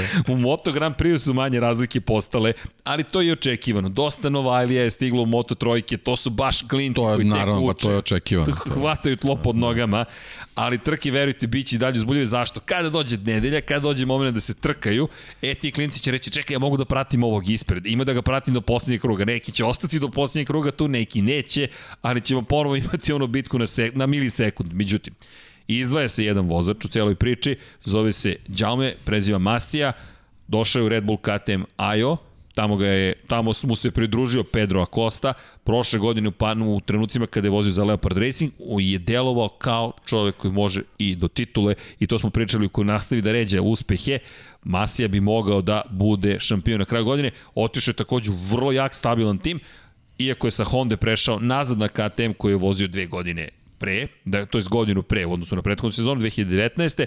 Delo je da se odmah vratio nazad u stare cipele i na trenizima najbrži su bili zapravo Acosta, to jest na poziciji 1 Masija, Acosta na poziciji pa broj Pa da, nekako, on, logično je i prirodna ova kategorija ne zahteva toliko ovaj, toliku adaptaciju, jednostavno oni, oni su na, na sličnim motociklima od, od početka te svoje velike karijere, Tako da kad se dođe u Moto Grand Prix jednostavno njima je, njima je lako da, da se prilagodi, prilagodi još kad dobiju dobar paket kakav je KTM je očigledno dao svojim vozačima nije, nije nikakav problem, a to smo već spominjali tokom prošle sezone, Pedro Costa i Zangevara su momci koji su ono kao wunderkindovi, jednostavno od njih očekujemo da bude superstarovi, to oni moraju... Opet priča, instant Si, nisi Novajlija. Mi pričamo sad pet meseci o njima. Znači, da. to su jednostavno momci koji samo su prešli u, u višu kategoriju u, u smislu što se to sad zove svetski šampionat. Oni su već, već u, u, u ludo, ludo zanimljivim trkama bili prošle godine i oni su u ozbiljnom treningu za, za čitavu priču. Izan Gevara pozicija 4. Da. Na trećeg dana u treningu broj 3. Ispred Rodriga i Johna McFee-a. Gabriel Rodrigo, veteran, tu je, sad je zaista veteran ove kategorije. Inače, KTM je uveo novi, novu robnu marku GasGas. GasGas, Aspar... Da, treba reći Guevara je u Asparu, znači nije znači u bilo kom timu, nego jednostavno On je u Asparu, Jeste. Malija Koste u Aju, tako da to su ozbiljne ekipe. I to ti ekipe. potvrđuje neke stvari. Inače u Gresini je ostao Gabriel Rodrigo, na Hondi ostaje Petronas, pojačao svoj tip. Inače od ove godine Indonesian Racing Gresini Moto3. Indonezija dolazi sve više do izraža. Očekujte uskoro indonežanske vozače da se pojave u tim timovima. Ove godine, međutim, Jeremy Alcoba ostaje sa Rodrigom. Nepromenjen tim, to može da pomogne ekipi kojoj je potrebna stabilnost posle gubitka Fausta Gresinija pogotovo i držim palče da će imati dobre rezultate nekako. Verujem da će nam svima biti drago kada se prvi put desi dobar rezultat za ovu ekipu. To pod tim podrazumevam da li pol poziciju, da li plasma na pobedničko postolje. Pobeda tek verujem da će biti vrlo emotivna ukoliko se desi, a svi smo nekako emotivni, ovde nema niko ko je ravnodušan, ni posmatrača, ni učesnika, ni jednostavno svi smo ovde zbog emocija. Romano Fenati je tu ponovo nekako večiti Moto Trojkaš je ponovo sa nama, Fenati koji je u Max Racingu i dalje na Husqvarni, to je opet isto KTM, u Husqvarnu vlasništvu KTM-a, Gas Gas je u vlasništvu KTM-a, suštinski mi govorimo o istom motoru da. koji koriste i KTM-ovi takmičari i naravno Honda koja nosi svoju moć, Leopard Racing, najjači predstavnik verovatno Honda, Denis Fođa ove godine zajedno sa Čavirom Artigasom, Artigas koji je još jedan od tih, kao što si lepo rekao, Wunderkindova. Da, da, da. I to će biti ozbiljna, vrlo ozbiljna ekipa. Dodao bih naravno dežurne krivce, Nicolo Antonelli je tu, Sergio Garcia polako postaje taj jedan od dežurnih krivaca, Andrea Minjo, Nicolo Antonelli nije opet briljirao, niko od ovih spomenutih vozača nije nešto sad neverovatan bio, ali čekamo tu prvu trku sezone pa da vidimo da li će se nešto promeniti. Jednostavno lepota ove kategorije jeste uglavnom u iznenađenjima, međutim nekako ove sezone imam utisak da znamo malo bolje i od ovih novih vozača od starih ko bi mogao imati dobar rezultat. I možda smo pod utiskom Moto dvojki, ne znam, ja svakako jesam kada pogledam Moto dvojki kao da prvi put posle duže vremena kažem čekaj, Moto trojke, ma sve u redu s Moto trojkama, nego Moto dvojke. To, to baš svi pričamo i, i kažem, što smo spomenuti od našeg prijatelja Gorana, čovek Srki, Moto2, Moto2, Moto2, da, Moto2, Moto2 i zasluženo mu posvećujemo vreme. Što se tiče Moto3, ljudi, čekamo da vidimo zapravo kako će se karte tu promešati, da li će biti razlike u odnosu između KTM-a i Honda, mada mislim da ne postoji ponovo prevelika razlika da se svodi na vozača. Da, osim što možda možda ako gledamo prethodnu sezonu, ova prva trka Honda, posebno Leopardi, bili su nenormalno brzi, tako da, da možda, možda imaju neku, neku malu prednost. Na, na početku sezona, ako sad pričamo o nekoj najavi vezano za sam Katar. Eto, to je, to je nešto, znači tu su Leopardi, tu su Petronas i Petronas Sprinta, pre svega mislim na Johna McPhee-a, to sam i prošli put rekao, on je meni onako nekako da možda bi mogao da ga izvojim kao nekog favorita za osvajanje titule pre svega zato što se nadam da će sve, sve te neke loše stvari i, i loša sreće, neke njegove brzoplitosti da će nestati ove sezone, da će uspeti ove godine ovaj, da, da, da se izdvoji kao, kao ovaj, glavni konkurent za titul, ako je, ako je uopšte moguće da se recimo do neke sredine sezone neko izdvoji u ovoj grupi. Albert Arenas prošle godine pobedio na KTM-u svoju titulu. Kajto Jeste, Toba pobedio. ali znamo koliko je to bilo, ne, ne, ali bilo tesno Toba, i teško. Da. Ali pazio, Kajto Toba pre dve godine na Hondi, nije osvojio titulu. Jorge Martin pre tri godine osvojio titulu, pobedio na prvoj trci sezone, pre četiri godine Joan Mir pobedio i osvojio titulu, ali tu moramo da stanemo, pošto su pre njih slavili Antonelli, Alexis Masbow, Jack Miller koji se borio za titulu, Luis Salom, Mario Knjelac, pamtimo i Luisa Saloma i tako dalje i tako dalje. Međutim, nekako indikativna jeste ta prva trka sezone. Tu možemo možda da vidimo, opet kao i u Moto dvojkama, ko je rešio ove godine da, da, da, da sve od sebe. Ne možemo da najavimo pobednika, ali ćemo to pokušati da učinimo. Pa eto, naravno. kažem, možda, možda su te Honda, posebno Leopardi, koji su prošle sezone pokazali da su na brzim stazama baš brzi. Eto, tako da možda, ako neko treba da se gleda, gledajte u svetlo plave te motocikle. Da, biće, da. biće lepo i zabavno. Moto Grand Prix naravno biće najveća zvezda, međutim, Moto dvojke i Moto trojke želimo namerno da, da, da najavimo u, u sklopu ove pripreme za sezonu zašto zaslužuju prosto to momci, nadam se u budućnosti i devojke, i jedva čekam da počne sve. U petak krećemo, kao što smo rekli, 11 časova i 40 minuta. 45 mi ulazimo zapravo u kabinu, 11 i 50 bi trebalo da počne prenos, 11.55 bi trebalo da počne taj prvi trening u, u novoj godini. I Moto Trojke će nam baš otvoriti sezonu. Deki, ja mislim da smo najbrži bili u najavi e, tri kategorije ikada. Obično za Moto Grand Prix da. samo odvojimo jedno dva i po sata, ali ovog, ovog puta da. smo rekli, već smo prethodne nedelje pričali dosta o tome, sada da najavimo Moto dvojke, Moto trojke i naravno ko je sa nama, ukoliko želi da postavi pitanja. Da, to je, smo... to je da, samo jedna važna stvar vezana onako generalno za čitavu priču Katar su tu vremenski uslovi. To, to, da, smo, izvini, to smo spomenjali, da, da, to smo da pričali. Da, to ja sam danas nešto gledao otprilike otprilike, naravno nisu to sad naj, najpouzdanije neke vremenske prognoze, ali generalno četvrtak, petak, subota, ono su jako visoke temperature preko dana najavljene do ono tipa 40 stepeni, uveče kako pada temperatura rasti brzina vetra, on je planiran za, za dane da, treninga i kvalifikacija negde, mislim, što uopšte nije zanemarivo, 30, 35, možda 40 km na čas, ali je problem što se za dan trke očekuje dosta niža temperatura nego, nego u petak i subotu. Dnevno će biti negde možda 30 stepeni, 30, 31, 2,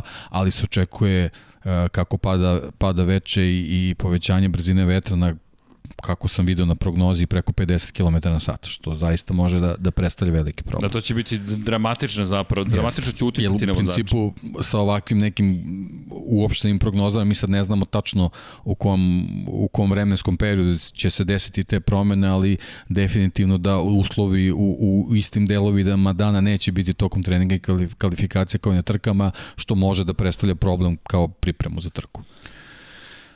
Ok, Tako još da, jedan element, to je još jedan element, da, da, da. koji će uticati koji na može dosta nepoznanica da, da donese, da, i da sva, sva, te, sva ovaj, sve prognoze i sve, svi planovi popadaju u vodu. I evo stižu nam i prva pitanja. Ljudi, hvala što ste sa nama, nadam se da uživate i jedno čekamo da, da krene cela priča. Ne, uželili smo se prosto takmičenja. I evo, prvo pitanje je pozdrav za Kumilicu. Pitanje je, ukoliko se Valentino Rossi penzioniše na kraju sezone, šta mislite ko bi mogao da popuni mesto drugog vozača Petronas Yamaha u 2022. Pa, ukoliko se desi da Valentino Rossi ne bude vozio 2022. godine, dobro je pitanje. Ako se otvori pozicija kada pogledaš koga je Yamaha angažovala i kako je angažovala, kada je poslednji put Yamaha dovela nekog iz sama Yamaha, ali to je Petronas opet. Doveli su Fabio Quartarara. Da li imamo dovoljno podataka da znamo koga bi doveo? Jer fabrička Yamaha angažuje samo vozače. Poslednji put čini mi se da je fabrička Yamaha dovela nekog iz niže kategorije je bio Jorge Lorenzo, ako se ne varam. Jorge Lorenzo kada je osvojio dve titulu 250 kubika, onda direktno angažovala Jorge Lorenza.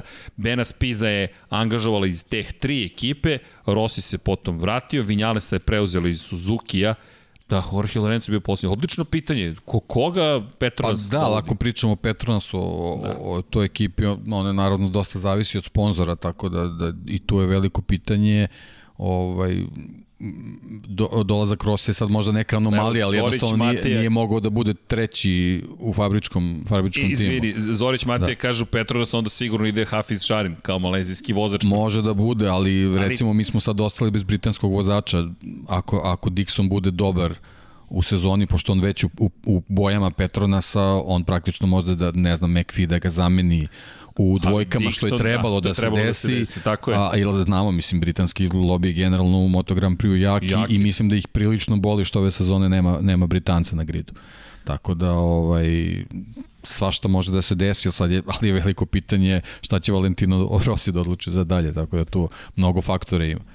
Na kojem kanalu će biti prenos, trebalo bi da bude na Sport klubu 3, mi, ja, mi smo nekako u, u, u našem filmu u poslednje vreme, pa, pa ne, dok se naviknemo da stižu i prenosi u Infinity Lighthouse smo, ali ono što znam trebalo bi biti Sport Klub 3, evo sad ćemo reći za svaki slučaj da vidimo da li je, da, da, sad ćemo interno da pogledamo šta kažu najave i šta kaže raspored, ali da odgovorim na pitanje da li ću prenositi Formulu 1 ukoliko budem radio motore.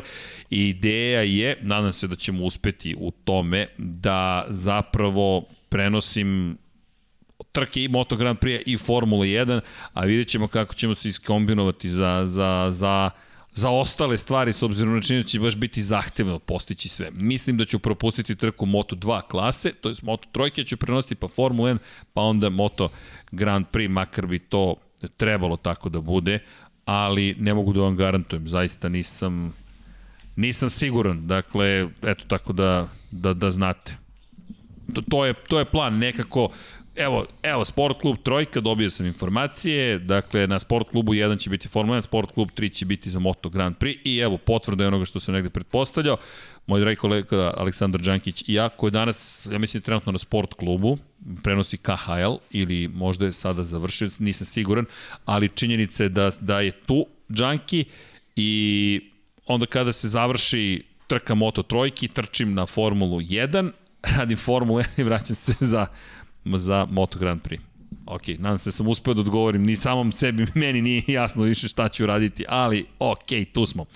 No, idemo dalje. E, da vidimo na kojem kanalu, to smo za, moji pikovi su Peko Banjaja Kumilica, da će biti zapravo u da će doći u Yamahu. Enea Bastianini ili neko s Moto2. Teko, teško da će pustiti Peka tek tako Ducati. Mislim da Peka će držati još jednu sezonu najmanje i Eneu mislim da neće tako lako pustiti s obzirom na činjenicu da, da je to neki dugoročni projekat, a ko zna, Sam Lowe's da li može da se vrati? Eto, možda Sam Lowe's, to je ta veza britanska.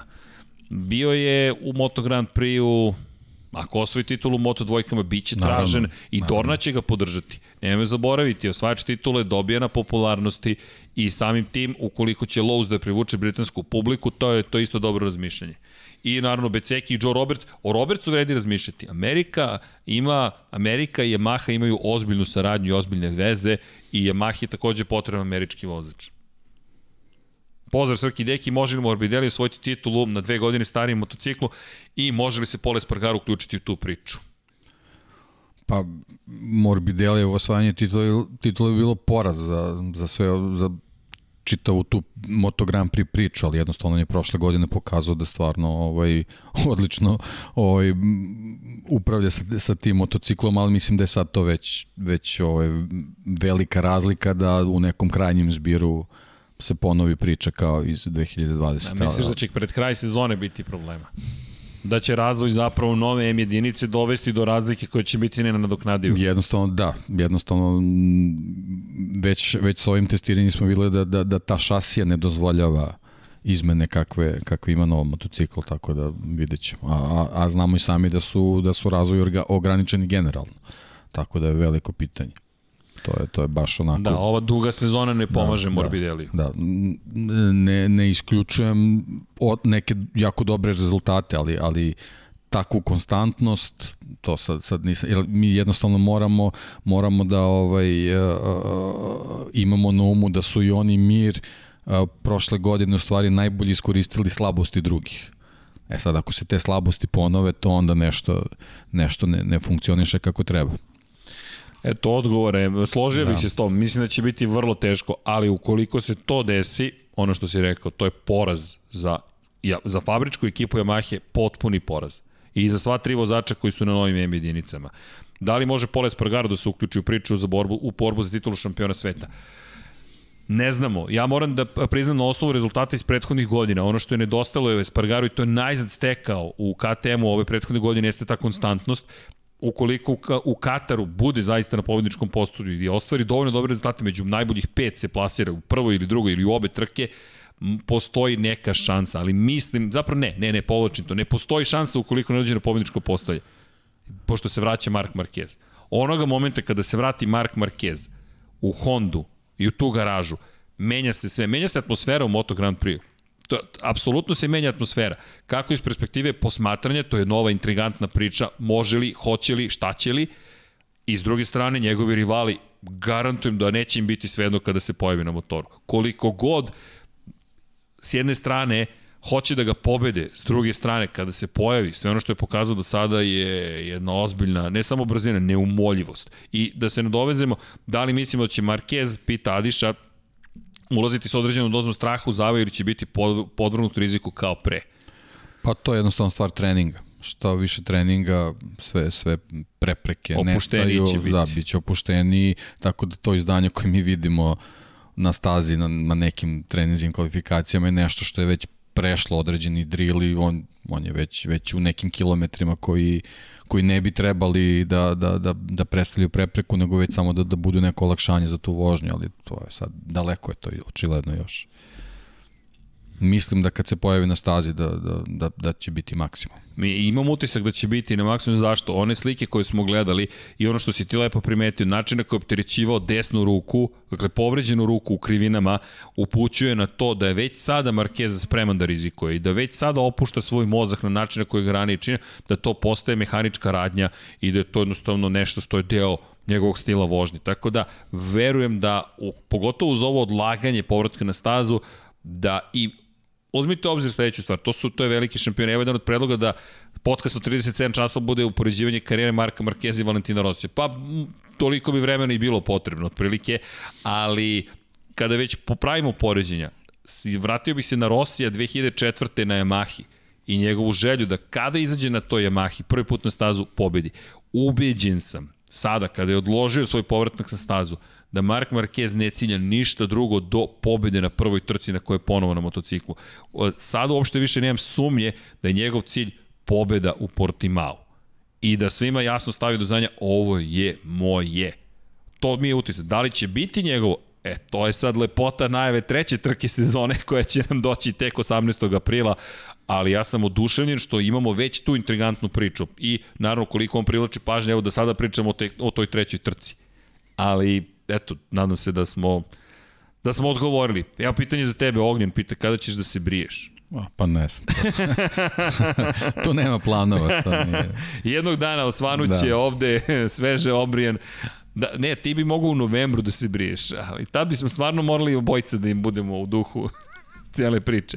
U novembru. To je stvar dogovor. Tako je. Kada će biti podcast od 37 časova? Igore, samo malo da okolnosti m, budu bolje i da, da nekako bude i pristojnije da, da to organizujemo. Mnogo se, nažalost, ružnih stvari dešava ne, nekako čekamo da, da ipak malo bude jednostavnije organizacija, pošto čekamo veliki broj gostiju, pa samo da to uskladimo. Slučajno se to desilo, nije to bila inicijalna ideja, već da malo uradimo to planski bolje, ali onda se pogoršala situacija s COVID-19 u Srbiji i onda jednostavno nekako dosta ljudi je obolelo, ima probleme, nažalost ljudi gube bližnje i pokušamo da budemo i nekako racionalni, pod neracionalno, da budemo prosto pažljivi po tom pitanju i naravno da zaštitimo što, što druge, tako i sebe kada će biti, eto to je to, u Petronas 2022. sigurno ide Šarin. Polako, da vidimo da li će se penzionisati Valentino Rossi, to je ono što je veliko pitanje.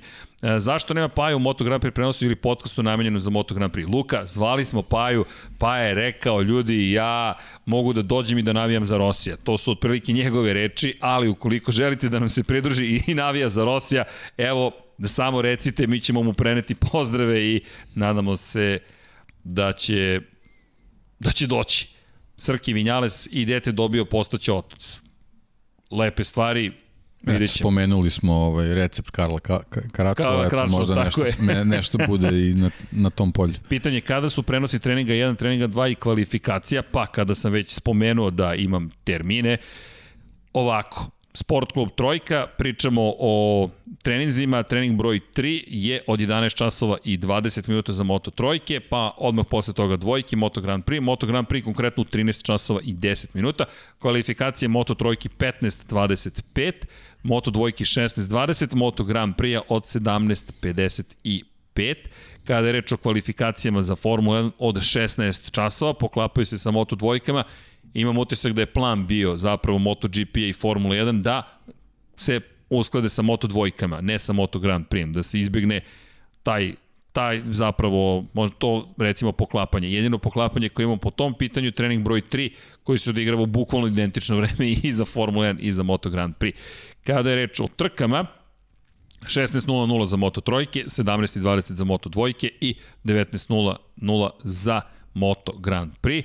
Evo odmah da vam kažem, do 20.15 moramo da završimo. I tu će nas iseći šta god se događalo na stazi. Evo sad vam najavljujem, piše lepo do 20 časova i 15 minuta, a kada je reč o Formula 1 od 17 časova kreće trka i trebalo bi da bude i na 4K sport klubu 4K, za one koje to takođe zanima, pretpostavljam da će i to možda biti jedno od pitanja. Da, da pitao sam te kada ćeš da se briješ, uh, hoće li biti prenosa Formule 2, bar neke trke? Hoće hoće, ne mogu da vam potvrdim kada i koje će biti, s obzirom na činjenicu da mi ne uređujemo program, suprotno da ga mi uređujemo, gledali biste sve treninge Formule 2, sve treninge Formule 3, sve treninge Porsche Superkupa, sve treninge svega što ima benzin ili čak i ako je električno vozilo, nadam se da mi pa neće čuti, ali činjenice da svaki trening bismo mi prenosili, no ne određujemo, određujete ga nek, do nekli i vi, to je publika i gledanost sportova, plus naravno urednika, ali ukoliko želite, pišite na office.sportklub.com. To vam ja nisam rekao, ali tamo možete usmeriti svoje interesovanja i želje i kažite ljudi, mi bismo zaista voleli da e, Moto Grand, to je Formula 2 dođe do izražaja, tako da eto, bit će samo, ne mogu da vam kažem tačno ko je podsjetnik samo ove godine, nemojte zaboraviti da Formula 2 i Formula 3 se ne održavaju istim vikendima, kada je reč o Bahreinu, nažalost, kako sada stoji programska šena, bojim se da neće biti, ali to još nije 100% potvrđeno da neće biti Formule 2. Mi ćemo lobirati kao što uvek i lobiramo, ali uglavnom kažu da, da izađemo iz kancelarije. Što se tiče Marina, pozdravim, sad sam se uključila Zašto Bradonja pored tebe ne prenosi sa Džankijem trke? Bradonja pored mene, pa i to i, i lobiranje je višestruko, to i Džanki ja lobiramo, pa ćemo videti. Eto, to dotle mogu da vam kažem. Pažak Paja, to smo odgovorili. Ko je pravi naslednik Valentina Rosija? Meni Marko Beceki, nevjerojatno počinje Valentin mlađih dana. Branislave, niko nije naslednik Valentina Rosija ne postoji naslednik Valentina Rosija. Mogao je možda biti Mark Marquez, ali od Malezije 2015. to ne da nije naslednik, nego to su južni i severni pol. Tako da ne postoji, za, po mom mišljenju prosto ne postoji naslednik i mislim da ga nikad neće ni biti. I svako ko pokuša to da bude, Dorna je pokušala od Jorge Lorenza da napravi naslednika, Jorge Lorenza je pretvorila u, u, u karikaturu, gotovo terajući ga da proslavlja na način na koji je Rossi proslavljao, dovelo je do toga da Lorenzo bude zapravo nepoštovan, a s druge strane da Rossi odustane od svojih proslava jer je to postalo nekako pase. Jednostavno, budite svoji, to, to je Dorna naučila umeđu vremenu i prestala da tera ljude, mada Marquez titule proslavi na način koji je Rossi to činio. Srki i Deki, da li možete da spavate kada znate da se MotoGP i F1 vraćaju u petak? Moramo da spavamo. Deki vrlo jednostavno objasnio, moramo, ali ne možemo. Jednostavno sad se gleda sve. Stare trke, najave, ko je šta učinio, ko je šta pripremio i jedva, jedva čekamo da počne. Prvi put i ove godine smo imali podcaste svake nedelje, nekako i meni čudna najava prethodnih godina sve čeka šta ćemo da uradimo nešto, neki studiju, neku emisiju, nešto ćemo da pričamo, kako da spakujemo sve. E, sad smo svake nedelje pratili manje više sve, Nadam se da smo. Evo, pitanje za vas. Da li smo uradili dovoljno dobar posao u pripremama za novu sezonu? I šta biste vi još želeli da radimo kada je reč o pripremi za novu godinu? A pa, Q&A. Ko kaže da Q&A je upućeno, da su pitanje upućene samo nama. Hvala na Da li možemo očekivati deki ulozi komentatora? Držimo palčeve. Ko će biti najkonstantniji u ovoj sezoni? Pita Dragan Matić. Joan Mir. Ja mislim da će Mir nastaviti da bude konstantan. Da li će to dovesti do titule, to je sad neko drugo pitanje, ali mislim da će biti najkonstantniji i možda Mark Marquez zajedno sa njim, kada se pojavi na stazi. Ali Mir mislim da će igrati svoju igru i da se neće promeniti. A to će biti poeni, poeni, poeni. Nema ni razloga da menja osvojio je titul. Srki, kakav ti je film Wonder Woman 1984, koje su ti ocene od 1 do 10? Evo, spoiler, upozorenje za one koji nisu gledali, 2. Eto, da, i dajem dvojku zato što na IMDb-u kada date keca to se smatra anomalijom pa ih ne računaju, tako da dvojka. I dvojka samo zato što je Wonder Woman i ništa više, bukvalno ništa više toga. Tragi, tragedija jednog filma, prvi je bio romantičan, lep i zabavan, drugi ne znam čemu služi, osim da kao ha ha ha smestili smo radnju u 1984. i vidi kako smo se smešno oblačili i bla. Eto, to je ceo moj komentar. Nažalost, ljudi, nisam davno bio toliko razočaran e, nečim što je bilo vrlo prijatno iznenađenje da DC nešto uradi korisno. Da li može Bastianini do neke pobjede? Pretpostavljam da je Bastianini. O, teško do pobjede. Teško. Teško to do pobjede. Bi, to bi baš bio spektakl. I Nebojša Prvolović. Ja nisam Valenje, Vilenjak ponavlja treći put, ali volio bih da objasnite razlog postojanja masa, pošto ništa ne rezamo od motocikli. Hvala, odlični ste. Uh, no comment pa, će biti da, zvanični. To je organizacije i pitanja za ljudi koji da, vode. Ja mislim da treba njih da pitate, ali šta mi možemo da uradimo? Šta biste vi voleli da mi učinimo da bude bolje stanje? Jer mi imamo tu želju da menjamo svet na bolje, pričamo priče, pa ako imate neku zanimljivu priču koju bismo ispunili ili nešto drugo da uradimo, tu smo, dajte predlog. Ljudi, ono što mi možemo da učinimo jeste da, evo, dajte nam vi ideje šta može da se učini. Mi ne možemo da budemo asocijacija, ali možemo da, eto, lobiramo, pričamo, skrećemo pažnju i tako dalje. Nadam se i da inspirišemo. Pol može da osvoji titulu, zašto ne? Kada je Lorenzo 2015. svojio titulu, je isto bilo ovako, svi su bili skeptični. E, ne kažem da ne može, samo... Samo Čeka Trebaš da se učlaniš među vanzemaljce da Tako bi je. mogao da... Moraš da zabeležiš da prvu pobedu. konkurišeš za to. Za razliku od Mire koji je prošle godine mogao da broji poene, dolazak Markeza mislim da će ih naterati sve da moraju da jure pobede. Jer to je ono što će, ih, što će ove godine biti drugačije ne možeš da ne pobeđuješ da bi došao do titula. To je moj utisak. Ako se Marquez vrati na onaj nivo, na, ili makar blizu onog nivoa koji je ranije imao. I prošla godina je zato bila jedinstvena prilika za svakog, za Dovicioza i za Rosija, za desetu titulu, taj pad u Francuskoj, to je pad i u Barceloni, pad i u Francuskoj su bili kritični. Nekako onaj u, u Mizanu je i mogao da prevaziđe, ali ne još dva posle toga. Teko da je drugačija sezona. Ali da li može? Pa, čujte, može, ali morat će mnogo toga da uradi. Zorić Matija, Mark Marquez da će odmah pokušati da se vrati na vrh, pa da, pretpostavljam da, da to je negde naša pretpostavka. E sad, da li će, e da, i kaže, složit ćemo se svi da bi pad na tu ruku mogao biti vrlo ozbiljan, to je opasan. Da, slažem se s time. Mislim da će to biti bukvalno sada Ahilova peta Pa ne, ne smo, ne smo da zaboravimo da on i rame operisao. Jeste. Kako beš na kraju 2019. čini mi se, ali tako? Da. Da, da, on je ušao u 2020. U stvari, ta operacija je uslovila da se on dovoljno dobro ne pripremi za 2020. što je možda uslovilo lošem izdanju Hajrezu i tom padu. Ali pa, on je čak odlaganje, je. prve trke u Kataru je njemu dobro došlo, pošto je imao vremena da se više oporavi. Sad, je. moj utisak je da i dalje Fabio Ali Quartararo... Ali on se jednostavno nije dobro pripremio za taj motocikl. Ali Fabio Quartararo da. meni deluje kao čovek koji ga naterao na greške. Zašto? Videli smo da Marquez želi da slomi konkurenciju odmah, brzo, e, silovito, blitzkrieg da izvrši. Da ti ne da vremena da razmišljaš, nego odmah udarac i to odmah u glavu svom silinom i djeluje mi da je hteo, da, indikativno mi je bilo ponašanje u Malezi 2019. kada je pao e, pokušavajući da izvrši pritisak na Fabio Kvartarara, prateći Kvartarara koji je stalno pokušavao da se skloni Markeza, Markez ga pratio dok nije pao u krivini broj 2. Sećate se, pretpostavljam tog incidenta kad je prebačen preko upravljača, ima ozbiljan incident Marquez i tu smo vidjeli da zapravo mu je meta Fabio Quartararo. I prvi put da je, po mojom mišljenju, pokazao slabost i da je rekao ovo je momak koga, na kome moram da mislim. Ne nužno da ga se plašim, ali o kome moram da razmišljam. Kojeg moram da slomim na vreme. Na vreme. I to mi deluje da je bila motivacija, to je samo moj utisak, ne znam, nismo pitali Markeza, bože zdravlje, da će biti prilike da ga pitamo ove godine, ali činjenica je da je Quartararo u tom momentu bio brz i da je Marquez u jednoj trci napravio dve greške dok da. je Quartararo dominirao.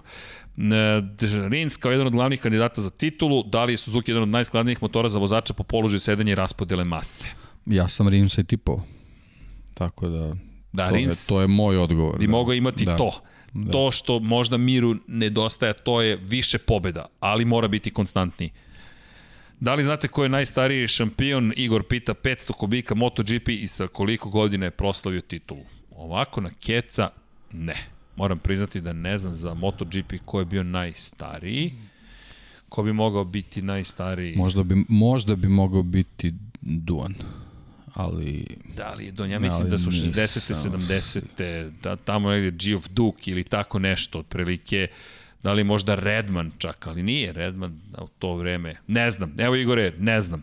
Rossi će da vozi do 46. i nakon te sezone ulazi u MotoGP sa Brivijom na čelu. Možda možda moram i bijelu uzeti, crvena je topina. Pred MS, pretpostavljam da su majice u pitanju. Ljudi, bela, pa to je kada morate da budete ozbiljni. Evo, mi smo ozbiljni sada za početak sezone, ali da, ja sam presrećan Svi smo ovde presreći kakve su boje ispole. Kada, kada organizujete proizvodnju majici, dobijete ovolitsku tkaninu i onda vam neko kaže, možeš da izabereš boju? E, mogu i nemaš predstavu šta ćeš dobiti na kraju. Ovo je ispolo gotovo savršeno. Srle, ti nosiš majicu boje Alfa Tauri. Može. Hoće li se Lorenzo ikada vratiti na GP motocikl i šta mislite kada? Jorge Lorenzo je trenutno postao internet troll. Dakle, ja ne znam da li gledate njegove postove, on bukvalno sada u svom bogatstvu i dokolici šta radi, troluje ljude. To su fotografije u čarapama, za, u bademantilu s pogledom na grad u pozadini, to je komentarisanje drugih tuđih rezultata, padova, bukvalno to je kako izgleda milioner koji je dokon.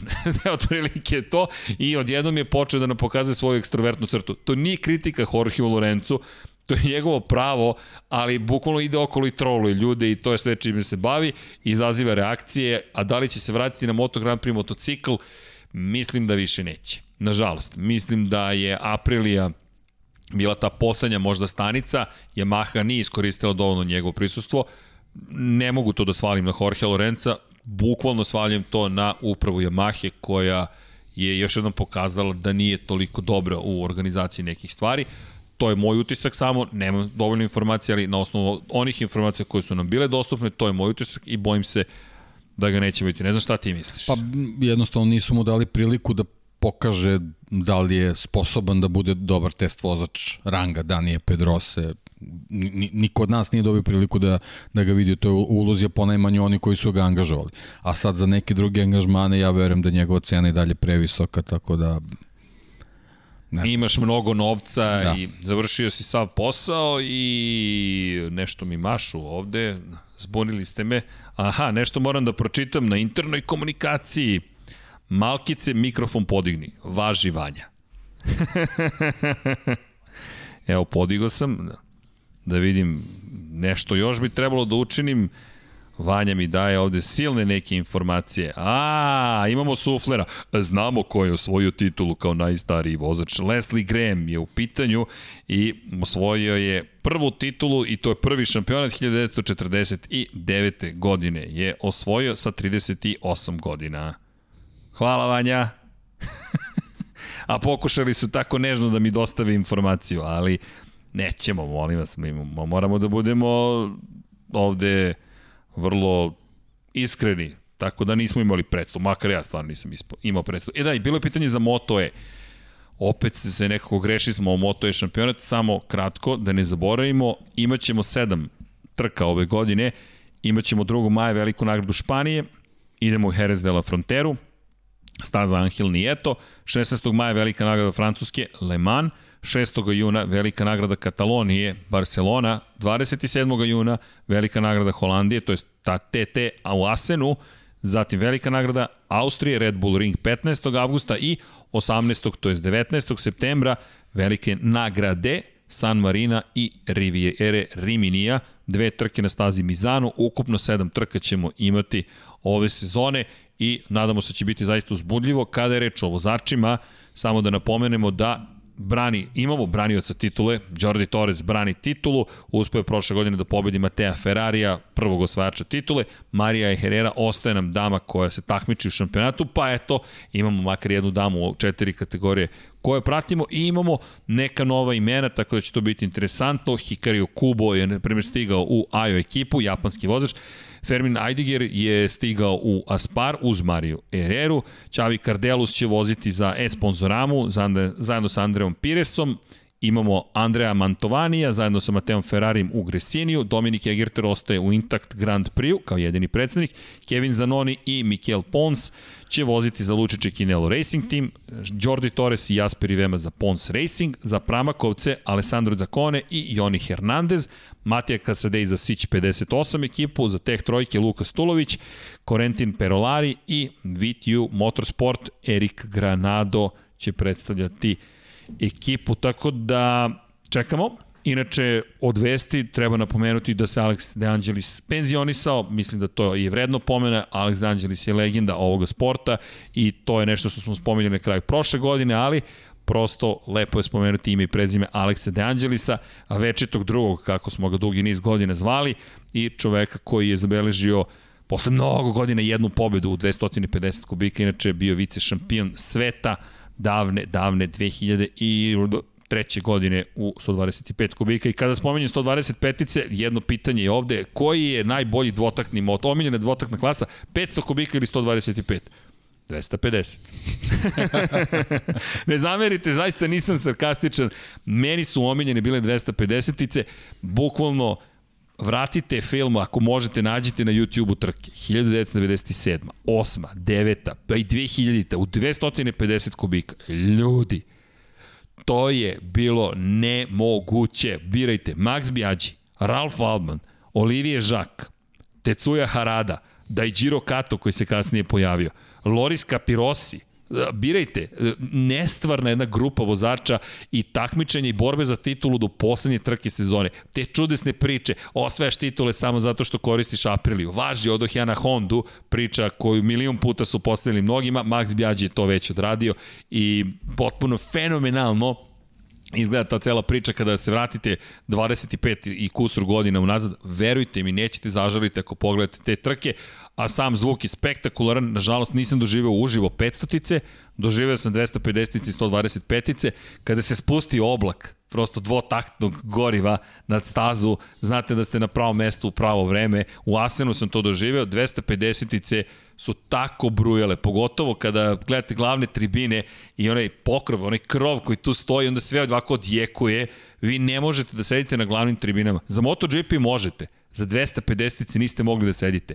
Taj, taj broj obrtaja i taj zvuk za pamćenje, a pozdrav za Miki Antića, čuvenog sportskog fotografa iz Jugoslovenskog sportskog lista Sport i sportskog žurnala, koji je išao na trke koji mi rekao, srđane, stajao sam na startnom poredku za 500 kubika, bio sam i na Formuli 1, 500 kubika, ništa ne može da zameni, zemlja se trese kad se upale dvotaktaši. Ovako, kaže, stojiš sa fotoaparatom i ne možeš da fotografišeš.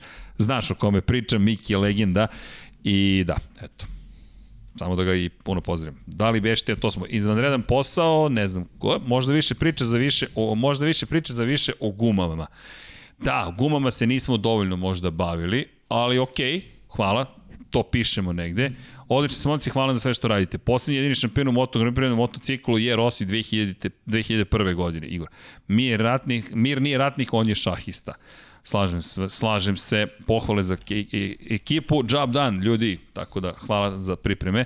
Tehnički kutak je bio pun pogled, nadam se će se vratiti u nekom obliku kada krene sezona. Hoće, vratit će se tehnički kutak, ali Trenutno mala pauza dok dobijemo prve fotografije ljudi kada vidimo šta su zapravo krili do, od nas do petka, subote i nedelje pa da vidimo šta se tu sve događalo pa ćemo se baviti tehničkim kutkom. Ima tu još priča uh, ovoga vikenda, to je to vikenda, ja sam već u vikendu, već u vikendu. Hteli smo da pričamo pre svega o emocijama. Juče u Formuli, danas u Moto Grand Prix, da jedva čekamo da zapravo sve to, sve to počne nekako.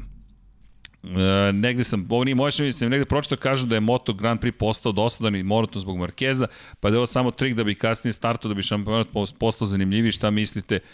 Ja nisam u tom univerzumu, meni je Moto Grand Prix nešto najlepše što može da se desi. Ljudi, možda i, i znamo da će Marquez triumfovati, ali veština, priče, borbenost, duh koji oni pokazuju, meni su dovoljni. Zaista meni su dovoljni. Da li bih volao da se ne znam do poslednje trke godine ko će biti šampion? Apsolutno. Ali ako im je dosadno, neka pogledaju, ne znam, Silverstone 2019. To nije loša trka. Austrija 2019. Tajland 2019. Jerez 2019. Barcelonu dru, do drugog kruga 2019. Prosto, ne znam, Katar 2019. je bio loš, da bio je dosadan, ne znam što znate u poslednjoj krivini ništa. Što ne znate zapravo ništa, ne znate ko će pobediti. Što Dovi ponovo se brani protiv Markeza. Što imamo priče koje su zaista redke i posebne. Meni to nije dosadno. Ali to sam samo ja. A Deki će doći do reči jednog dana. Evo pričamo o MotoGP. Srki, ako možeš, daj nam link za poručivanje majica Lab 76 sa osobitim zadovoljstvom, sad ćemo mi to odmah. To je infinitylighthouse.com kroz shop Pa, zašto shop? Pa tu možete da naručite i majice za Kosmos 76 ukoliko neko želi. Eto, pitanje Srke, ko je omiljeni Marvelov DC superheroj glumac koji glumio kao na primjer za Batmana Bale vs. Affleck kumilica. Mislim da moramo da napravimo podcast o DC-u, Marvelu i zvezdanim vratovima, o Lucas filmu. Koji mi je omiljeni? Pa menja mi se od nedelje do nedelje, šalim se. Ali kao klinac imao sam Superman ranac, mada sam ja bio Captain Comet zapravo u tom tajnom udruženju koje vodio moj drugar iz osnovne škole, Superman je on bio, pošto je osnovao udruženje, logično, ali da, imam, tako sam dobio kapetan Kometa, ne znam da li znaš uopšte ko je kapetan Kometa, nisam ni ja znao, pa su me objasnili da sam kapetan Kometa, kasno sam se učlanio, a što se tiče Marvela, Spider-Man je uvek nekako bio. Mada sam je volao i Tora, ali iz stripova, nekako bio zbiljni Thor. Ali okej, okay, i ovo je dobar Thor. Od trojke mi se pogotovo dopada. ja sam nekako od, od te, te grupe Spider-Man sam nekako stripove uvek imao. Ne znam kako sad, ne mogu ni ja da, da ovaj, Ali dobar izbor. Ovi svi ostali su bili onako neka egzotika, ono po 1, 2 i tako. I sad pitanje, Bale vs. Affleck, Keaton. da, Keaton ima ta čuvena, čuvena rečenica kod Michaela Keatona, njegove verzije Batmana, to se znalo, imaš pola reči da završiš posao. You're going to jail. Boom a Bale krene da objašnjava do 7 minuta šta će sad da uradi i to je ta modernija kinematografija gde je nepotrebno se izgovara. Ne, zato se zove kinematografija, slika nam govori šta se desilo, ali to nema veze sa Kristinom Baleom, oduševljen sam Batman Begins filmom, činjenica, ali Keaton, nadam se da će snimiti te ili pokazati te scene u kojima je Michael Keaton ponovo glumio Batmana u tom multiversu koji DC sprema. Affleck, pa Affleck mi je bio korektan u Supermanu. Zašto? Zato što mislim da je mogao da glumi ciničnog čoveka, dosta i sam proživao čudnih stvari u životu, ali nikad me nije nekako osvojio baš kao kao Bruce Wayne, eto. Nadam se da sam odgovorio. Da, ako je Zorić Mate, ako je Zarko postavio rekord 357 km čas, oni će sigurno postaviti još veću. Brzina pruzaviti na preko 365, a u Muđelu nestvarno. To, tome smo pričali. Pa dobro, Katar ima taj moment tog vetra, to ne, ne možemo da znamo. Leđa, da, da, da. To će biti zastrašujuće. Da, da. To će biti zastrašujuće još u zavetrinu. Ja mislim da će dotaći 360 km na čas. To je, to je, to je ubeđenje. Ognjen pita da li smo videli prognozu za F1. Nisam, moram priznati, najnoviju. Pa, mislim da je prilično slična kao Katar, uopšte nije, nije lepo. da. Zlatko, da. da te ispravim, Alex Danđeli se uzeo tri pobjede u Moto2. Jeste, samo jednu u 250 kubika, to je ono što to neko drugo vreme, ali da, jednom godišnje Alex Danđeli znao da pobedi. Hvala.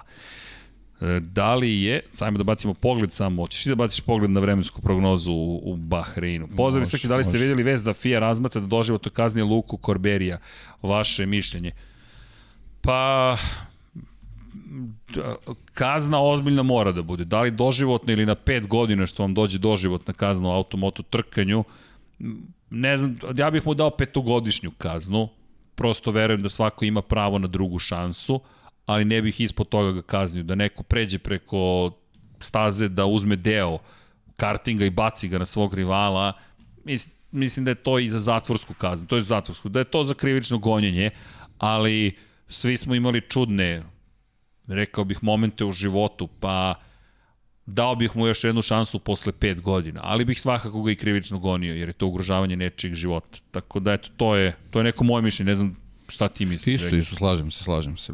Sad, ne znam, mislim, takve neke stvari mogu da se desu afektu, adrenalin i to sve, ali stvarno je neoprostivo šta je uradio, je sad ta, ta vremenska kazna, ne znam, jednostavno, očigledno se prilično zameruju FI, a očigledno da možda FIA kroz njega hoće neku poruku da pošalje, tako da mislim da mu se ne piše baš baš najbolje. Da, Posebno je, što ako su te informacije izašle u javnost, mislim pa da je to već prilično gotova kažnjen. stvar. Da, da, da, da je, to je... dobio je kaznu on u, u veliko, da, ali eto, da. pitanje je bilo šta mi mislimo o tome. Da, da, ja ga ne da, bih tako kaznio, ali ko zna, možda će ko Brijetore, doživotno si kažnjen, pa prođe dovoljno godina, položiš žalbu. Evo Momčilo kaže, kažnjen je doživotno već momak, hvala Momčilo. Ma da, to je jednostavno, čim je to izašlo u javnost, to je bilo možda u početku neko opipavanje, a vrlo brzo i saopštenje da je to zaista tako. E, svi hvale majice, niko da pohvali nalepnice, svaka čast za ideju. Hvala. Ekipa je iza kulisa koja je smislila nalepnice, više ne znam ko je šta smislio, ali to je Infinity Lighthouse. Svi smo ovde nek ekipa prosto. To je, to je, to je i bila želja. Da li mogu da se naruče za Bosnu i Hercegovini, kolika je poštarina? Mogu, poštarina, ja mislim, nemojte me držati za reč da je tipa 1400 dinara, to su troškovi na koje mi ne možemo da utičemo, to je negde oko 20 konvertibilnih maraka. Poštarina izađe skoro ko majica, ljudi, da vam se ne izvinjam, žao mi, volao bih da je jednostavnije dostaviti, ali to je otprilike to. Je otprilike to. Desi Srke, čestitajte Martinu rođendan, taman možete da govorite nešto padne nekog gostovanju. Čestitke. Sad, koji, Vugrinec ili Nađ, ali kako god, kogod daje, čestitamo rođendan u svakom slučaju. Vinjales kao šampion, pa, ne, ja ne vidim to, ne više. Mislim da će opet biti pobeda, da će biti pol pozicija, da će biti najbržih krugova, ali da ćemo manje više se opet vrtiti u krug po neki loš start, pri čemu čak i da unapredi start, uz dolazak nove generacije vozača, novu podršku fabrika, bojim se da će i ti mali problemi na početku, ako budu smanjeni, opet biti neka peta, šesta pozicija na početku, a ako se nađe par Ducatija ispred tebe, ti tu već gubiš taj kontakt, ako izgubiš kontakt, čak i da budeš treći na kraju trke, gde su pobede, opet to utiče na samopouznanje, bojim se, bojim se za ne. Outsider, Martin Vugrinec. Pa eto, pozdrav još jednom za Martina Vugrineca. I da li će biti nam gost Martin, pa to planiramo. Ljudi, e, prosto de, de, mnogo toga se dešava konstantno i ne stižemo baš nužno sve u tako kratkom vremenu, ali ćemo sve stići na kraju. Prosto ćemo da, stići. I, i sad je nezgodno, jer mi pod gost podrazumemo da neko fizički bude u studiju. Zoom intervju i to je lako raditi, ali nekako, nekako drugačije kad je, kad je osoba fizički ovde. E sad, određene osobe stvarno zaslužuju da se nađu ovde, Ali, Imamo jedan da. Lamborghini, automobili Lamborghini Squadra Corse i Miloša Pavlovića, kao što možete vidjeti, uramljeno. Hvala Deki. To je Deki doneo u studio i hvala i Dekiju i Milošu. Tako da stoji. Pitanje poslali smo uz majice da nalepnici. Ne prodajemo nalepnice, ljudi zamislite da prodajemo nalepnice, onda poštarina izađe pa, možemo da ih poklanjamo bukvalno, dakle, uz majice ili kada bude neka prilika, čekajte da napravimo shop onda, da napravimo shop pa svratite kod nas, pa onda, do, evo ovde mi se već smeju, ali hvataju se za glavu. Zašto? pa zato, zato što je tako zabavno. Očekivanje od Kvartarara na dolazećoj sezoni. Isto kao za Vinjalesa. Ja imam isto očekivanja. Pobede, povremeno, pol pozicije, mnogo više pol pozicije od Vinjalesa. Mislim da će opet biti spektakularno u jednom brzom krugu. Zato sam ga izabrao za MotoGP Fantasy. Dakle, u fantaziju ga uzmete jer on donosi poene kroz kvalifikacije, ali bojim se da nije, neće biti dovoljno za titulu. Pa mi ono što smo pričali malo prevezano za, za Marka Markeza, kako je Quartararo u jednom trenutku bio njegova meta da, da ga slomi. Nažalost, Quartararo je prošle godine pokazao da, da on ume sam sebe da, da slomi, da mu nije, nije potreban rival, tako da mora to prvo da prebrodi da bi, da bi mogao da bude konkurent za, za titulu. To je, to je on pokazao. E sad, vidjet ćemo sam start sledeće sezone će ovaj, pokazati da, da li on uspeo da, da prevaziđe to, da li je sazreo. Pitanje za tebe, da li možeš da najaviš ukratko sezonu Formula 1? Ukratko, šta, šta znači ukratko? pa vidi, u ovom da. studiju pola sata do 45 minuta je jedan kratak, kraći uvod. Pa ono, imamo neke, neke nepoznanice ovaj, posle ovih testiranja meni je realno možda možda ovako može može i čudno da zvuči malo mi je tu Mercedes onako sumnjiv nisam siguran ovaj da li da li će tu biti ovaj izdanje identično prošlogodišnjem ovaj voleo bih da Red Bull bude taj koji će tu malo da, da, da se ubaci u, u, tu čitavu priču, a sa, što se samog starta sezone tri, tiče, očekujem da, da ovaj, Ferrari zbog, zbog neke, neke istorije, pre svega Leclerc ovaj, zbog neke loše sreće koje imao u Bahreinu bude, ovaj, bude, bude dobar na, na, na početku sezone. Ali generalno ono, ne, ne otkrivam nikakvu toplu vodu sad jednostavno Mercedes, Red Bull mislim da, da, da, su, da su ponovo tu s tim što mislim da, da možda ovaj, zbog, zbog nekih ovih promena koje smo videli, vezano za, za Williams, pre svega za ekipu ljudi koji se okupljaju, koji Ostka pita da možda nećemo više imati tako ne, neko začelje, nego možda više ekipa u nekoj sredini koje će u određenom trenutku moći da, da, da iskoče ka samom vrhu, a tu pre svega mislim na, na McLaren. Evo, McLaren će da dominira, krm, da. Mile Krstevski. A da li će da dominira, to sad ne Teško. znam, ali mislim da, da su sad već kadri da, da mogu da se vrate na, na neke te sve svo, svoje stare staze. Kada će I majice su stigle u Beč, sad može da se počne. Pozdrav za Beč, nadam se da ćete uživati u majicama. Kada će doći Jelena Trajković? I ona je u planu, naravno, stalno dolazi povremeno gosti. Čekamo i Vladu Vesića da nam se vrati u studiju na kraju univerzuma. Već je to bilo nekih poziva, pa smo se mi mojišli privatne okolnosti i tako dalje, ali Vlada ima šta da kaže, pogotovo Moto Grand Prix, prošli put je bilo zabavno možemo Kad tako reći. Tako da sezona, da stiže... krenu i strasti, tako svako je. ima želju da nešto kaže. Tako, tako da, da ne brinite, biće i da. Zvezdica, biće i Vlada Vesić i čekamo naravno i Džankija. Lab 76 Fan Club, zajedničko gledanje trka. U, to bi bilo fenomenalno. Pozdrav za Andreja Boža i za, za predlog. Samo što, eto, čekamo, čekamo da ova čekamo situacija, mere da, prođu. da, čekamo mere da prođu, da ne bude Lab 76 zatvoreno do daljnjeg. Ali, da, ljudi, čuvajte se samo kada prođe o, o ludilo, napravit ćemo veliko gledanje, ne, čega god. Dakle, sa, da, da, da, da samo da uživamo. Pozdrav svima u podcastu, pozdrav i sa naše strane. Pozdrav.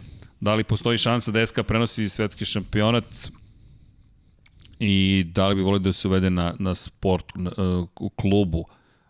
Kada govorimo, ve, aha, vec da se uvede, pa da li postoji šansa? Pa znate kako, kada je reč o, o, o, o endurance-u, to je ceo, ceo kanal verovatno bismo morali da izdvojimo. A mi lobiramo već godinama da dobijemo sport klub Speed ili sport klub Automoto, neuspe, bezuspešno za sada. Nisam siguran da je to izvodljivo. Pitanje i prava, a potom je pitanje gde bi moglo da se prikazuje. Jer endurance je specifičan kada krene trka, ljudi, to treba prenositi i drugo kad se poklopi sa našim prenosima, onda ne možemo da budemo tamo. Ali treba i neka nova generacija komentatora takođe da se pojavi ili to, to nema veze s godinama, to prosto ima veze sa, sa, sa, sa ljudima, ali da, bilo bi lepo da možemo, ali nisam siguran da, da će to biti izvodljivo, ovako iskreno, mada ja to ne znam, to samo naš direktor može da vam tačno odgovori.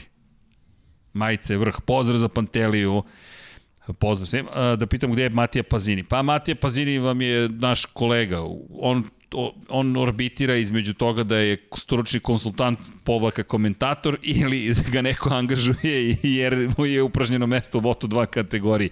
Ali bojim se da da neće da, da neće da neće ponovo dobiti tu priliku. Mislim da je prosto prošla ta era i da će sada više težiti ka tome da dovedu neke mlade vozače, a imate na primjer gotovo uvek na stand-by Dominika Egirtera koji je takođe postao neka vrsta sada konstantne zamene u Moto dvojkama. A i mlađi dolazi. Upravo to. Upravo do, ovo dobro zvuči, Sport klub GP. O, hvala, SKGP, Saki Saki 46. Zašto imate Sport klub 7, nemate SK Moto, pitanje za Masterminda. Popitaćemo Masterminda, ali bojim se da će odgovor i dalje biti isti.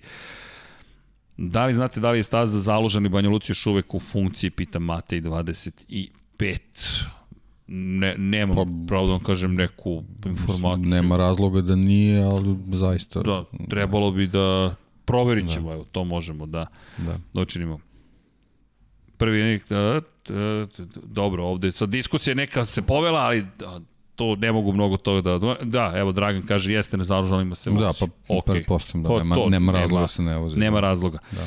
Ok, ljudi, mi smo sada već negde na kojem smo satu, Vanja? Tek dva i po sata. A, pa još je rano za pozdrave. Deki, ja mislim da smo mi postavili rekord da za sat i po najavimo sezonu, ne jednu, tri, mada smo zaboravili četvrtu, ali ok, no uzbuđeni smo. Iskreno, ja jedva čekam taj moment, znam ta, taj osjećaj kada krene prvi trening, kada krene prvo odbrojavanje i kada, kada dođe moment da se izgovori poštovani gledalci, dobrodošli na sport klub, dobrodošli u svetsko prvenstvo u motociklizmu i dobrodošli u Katar.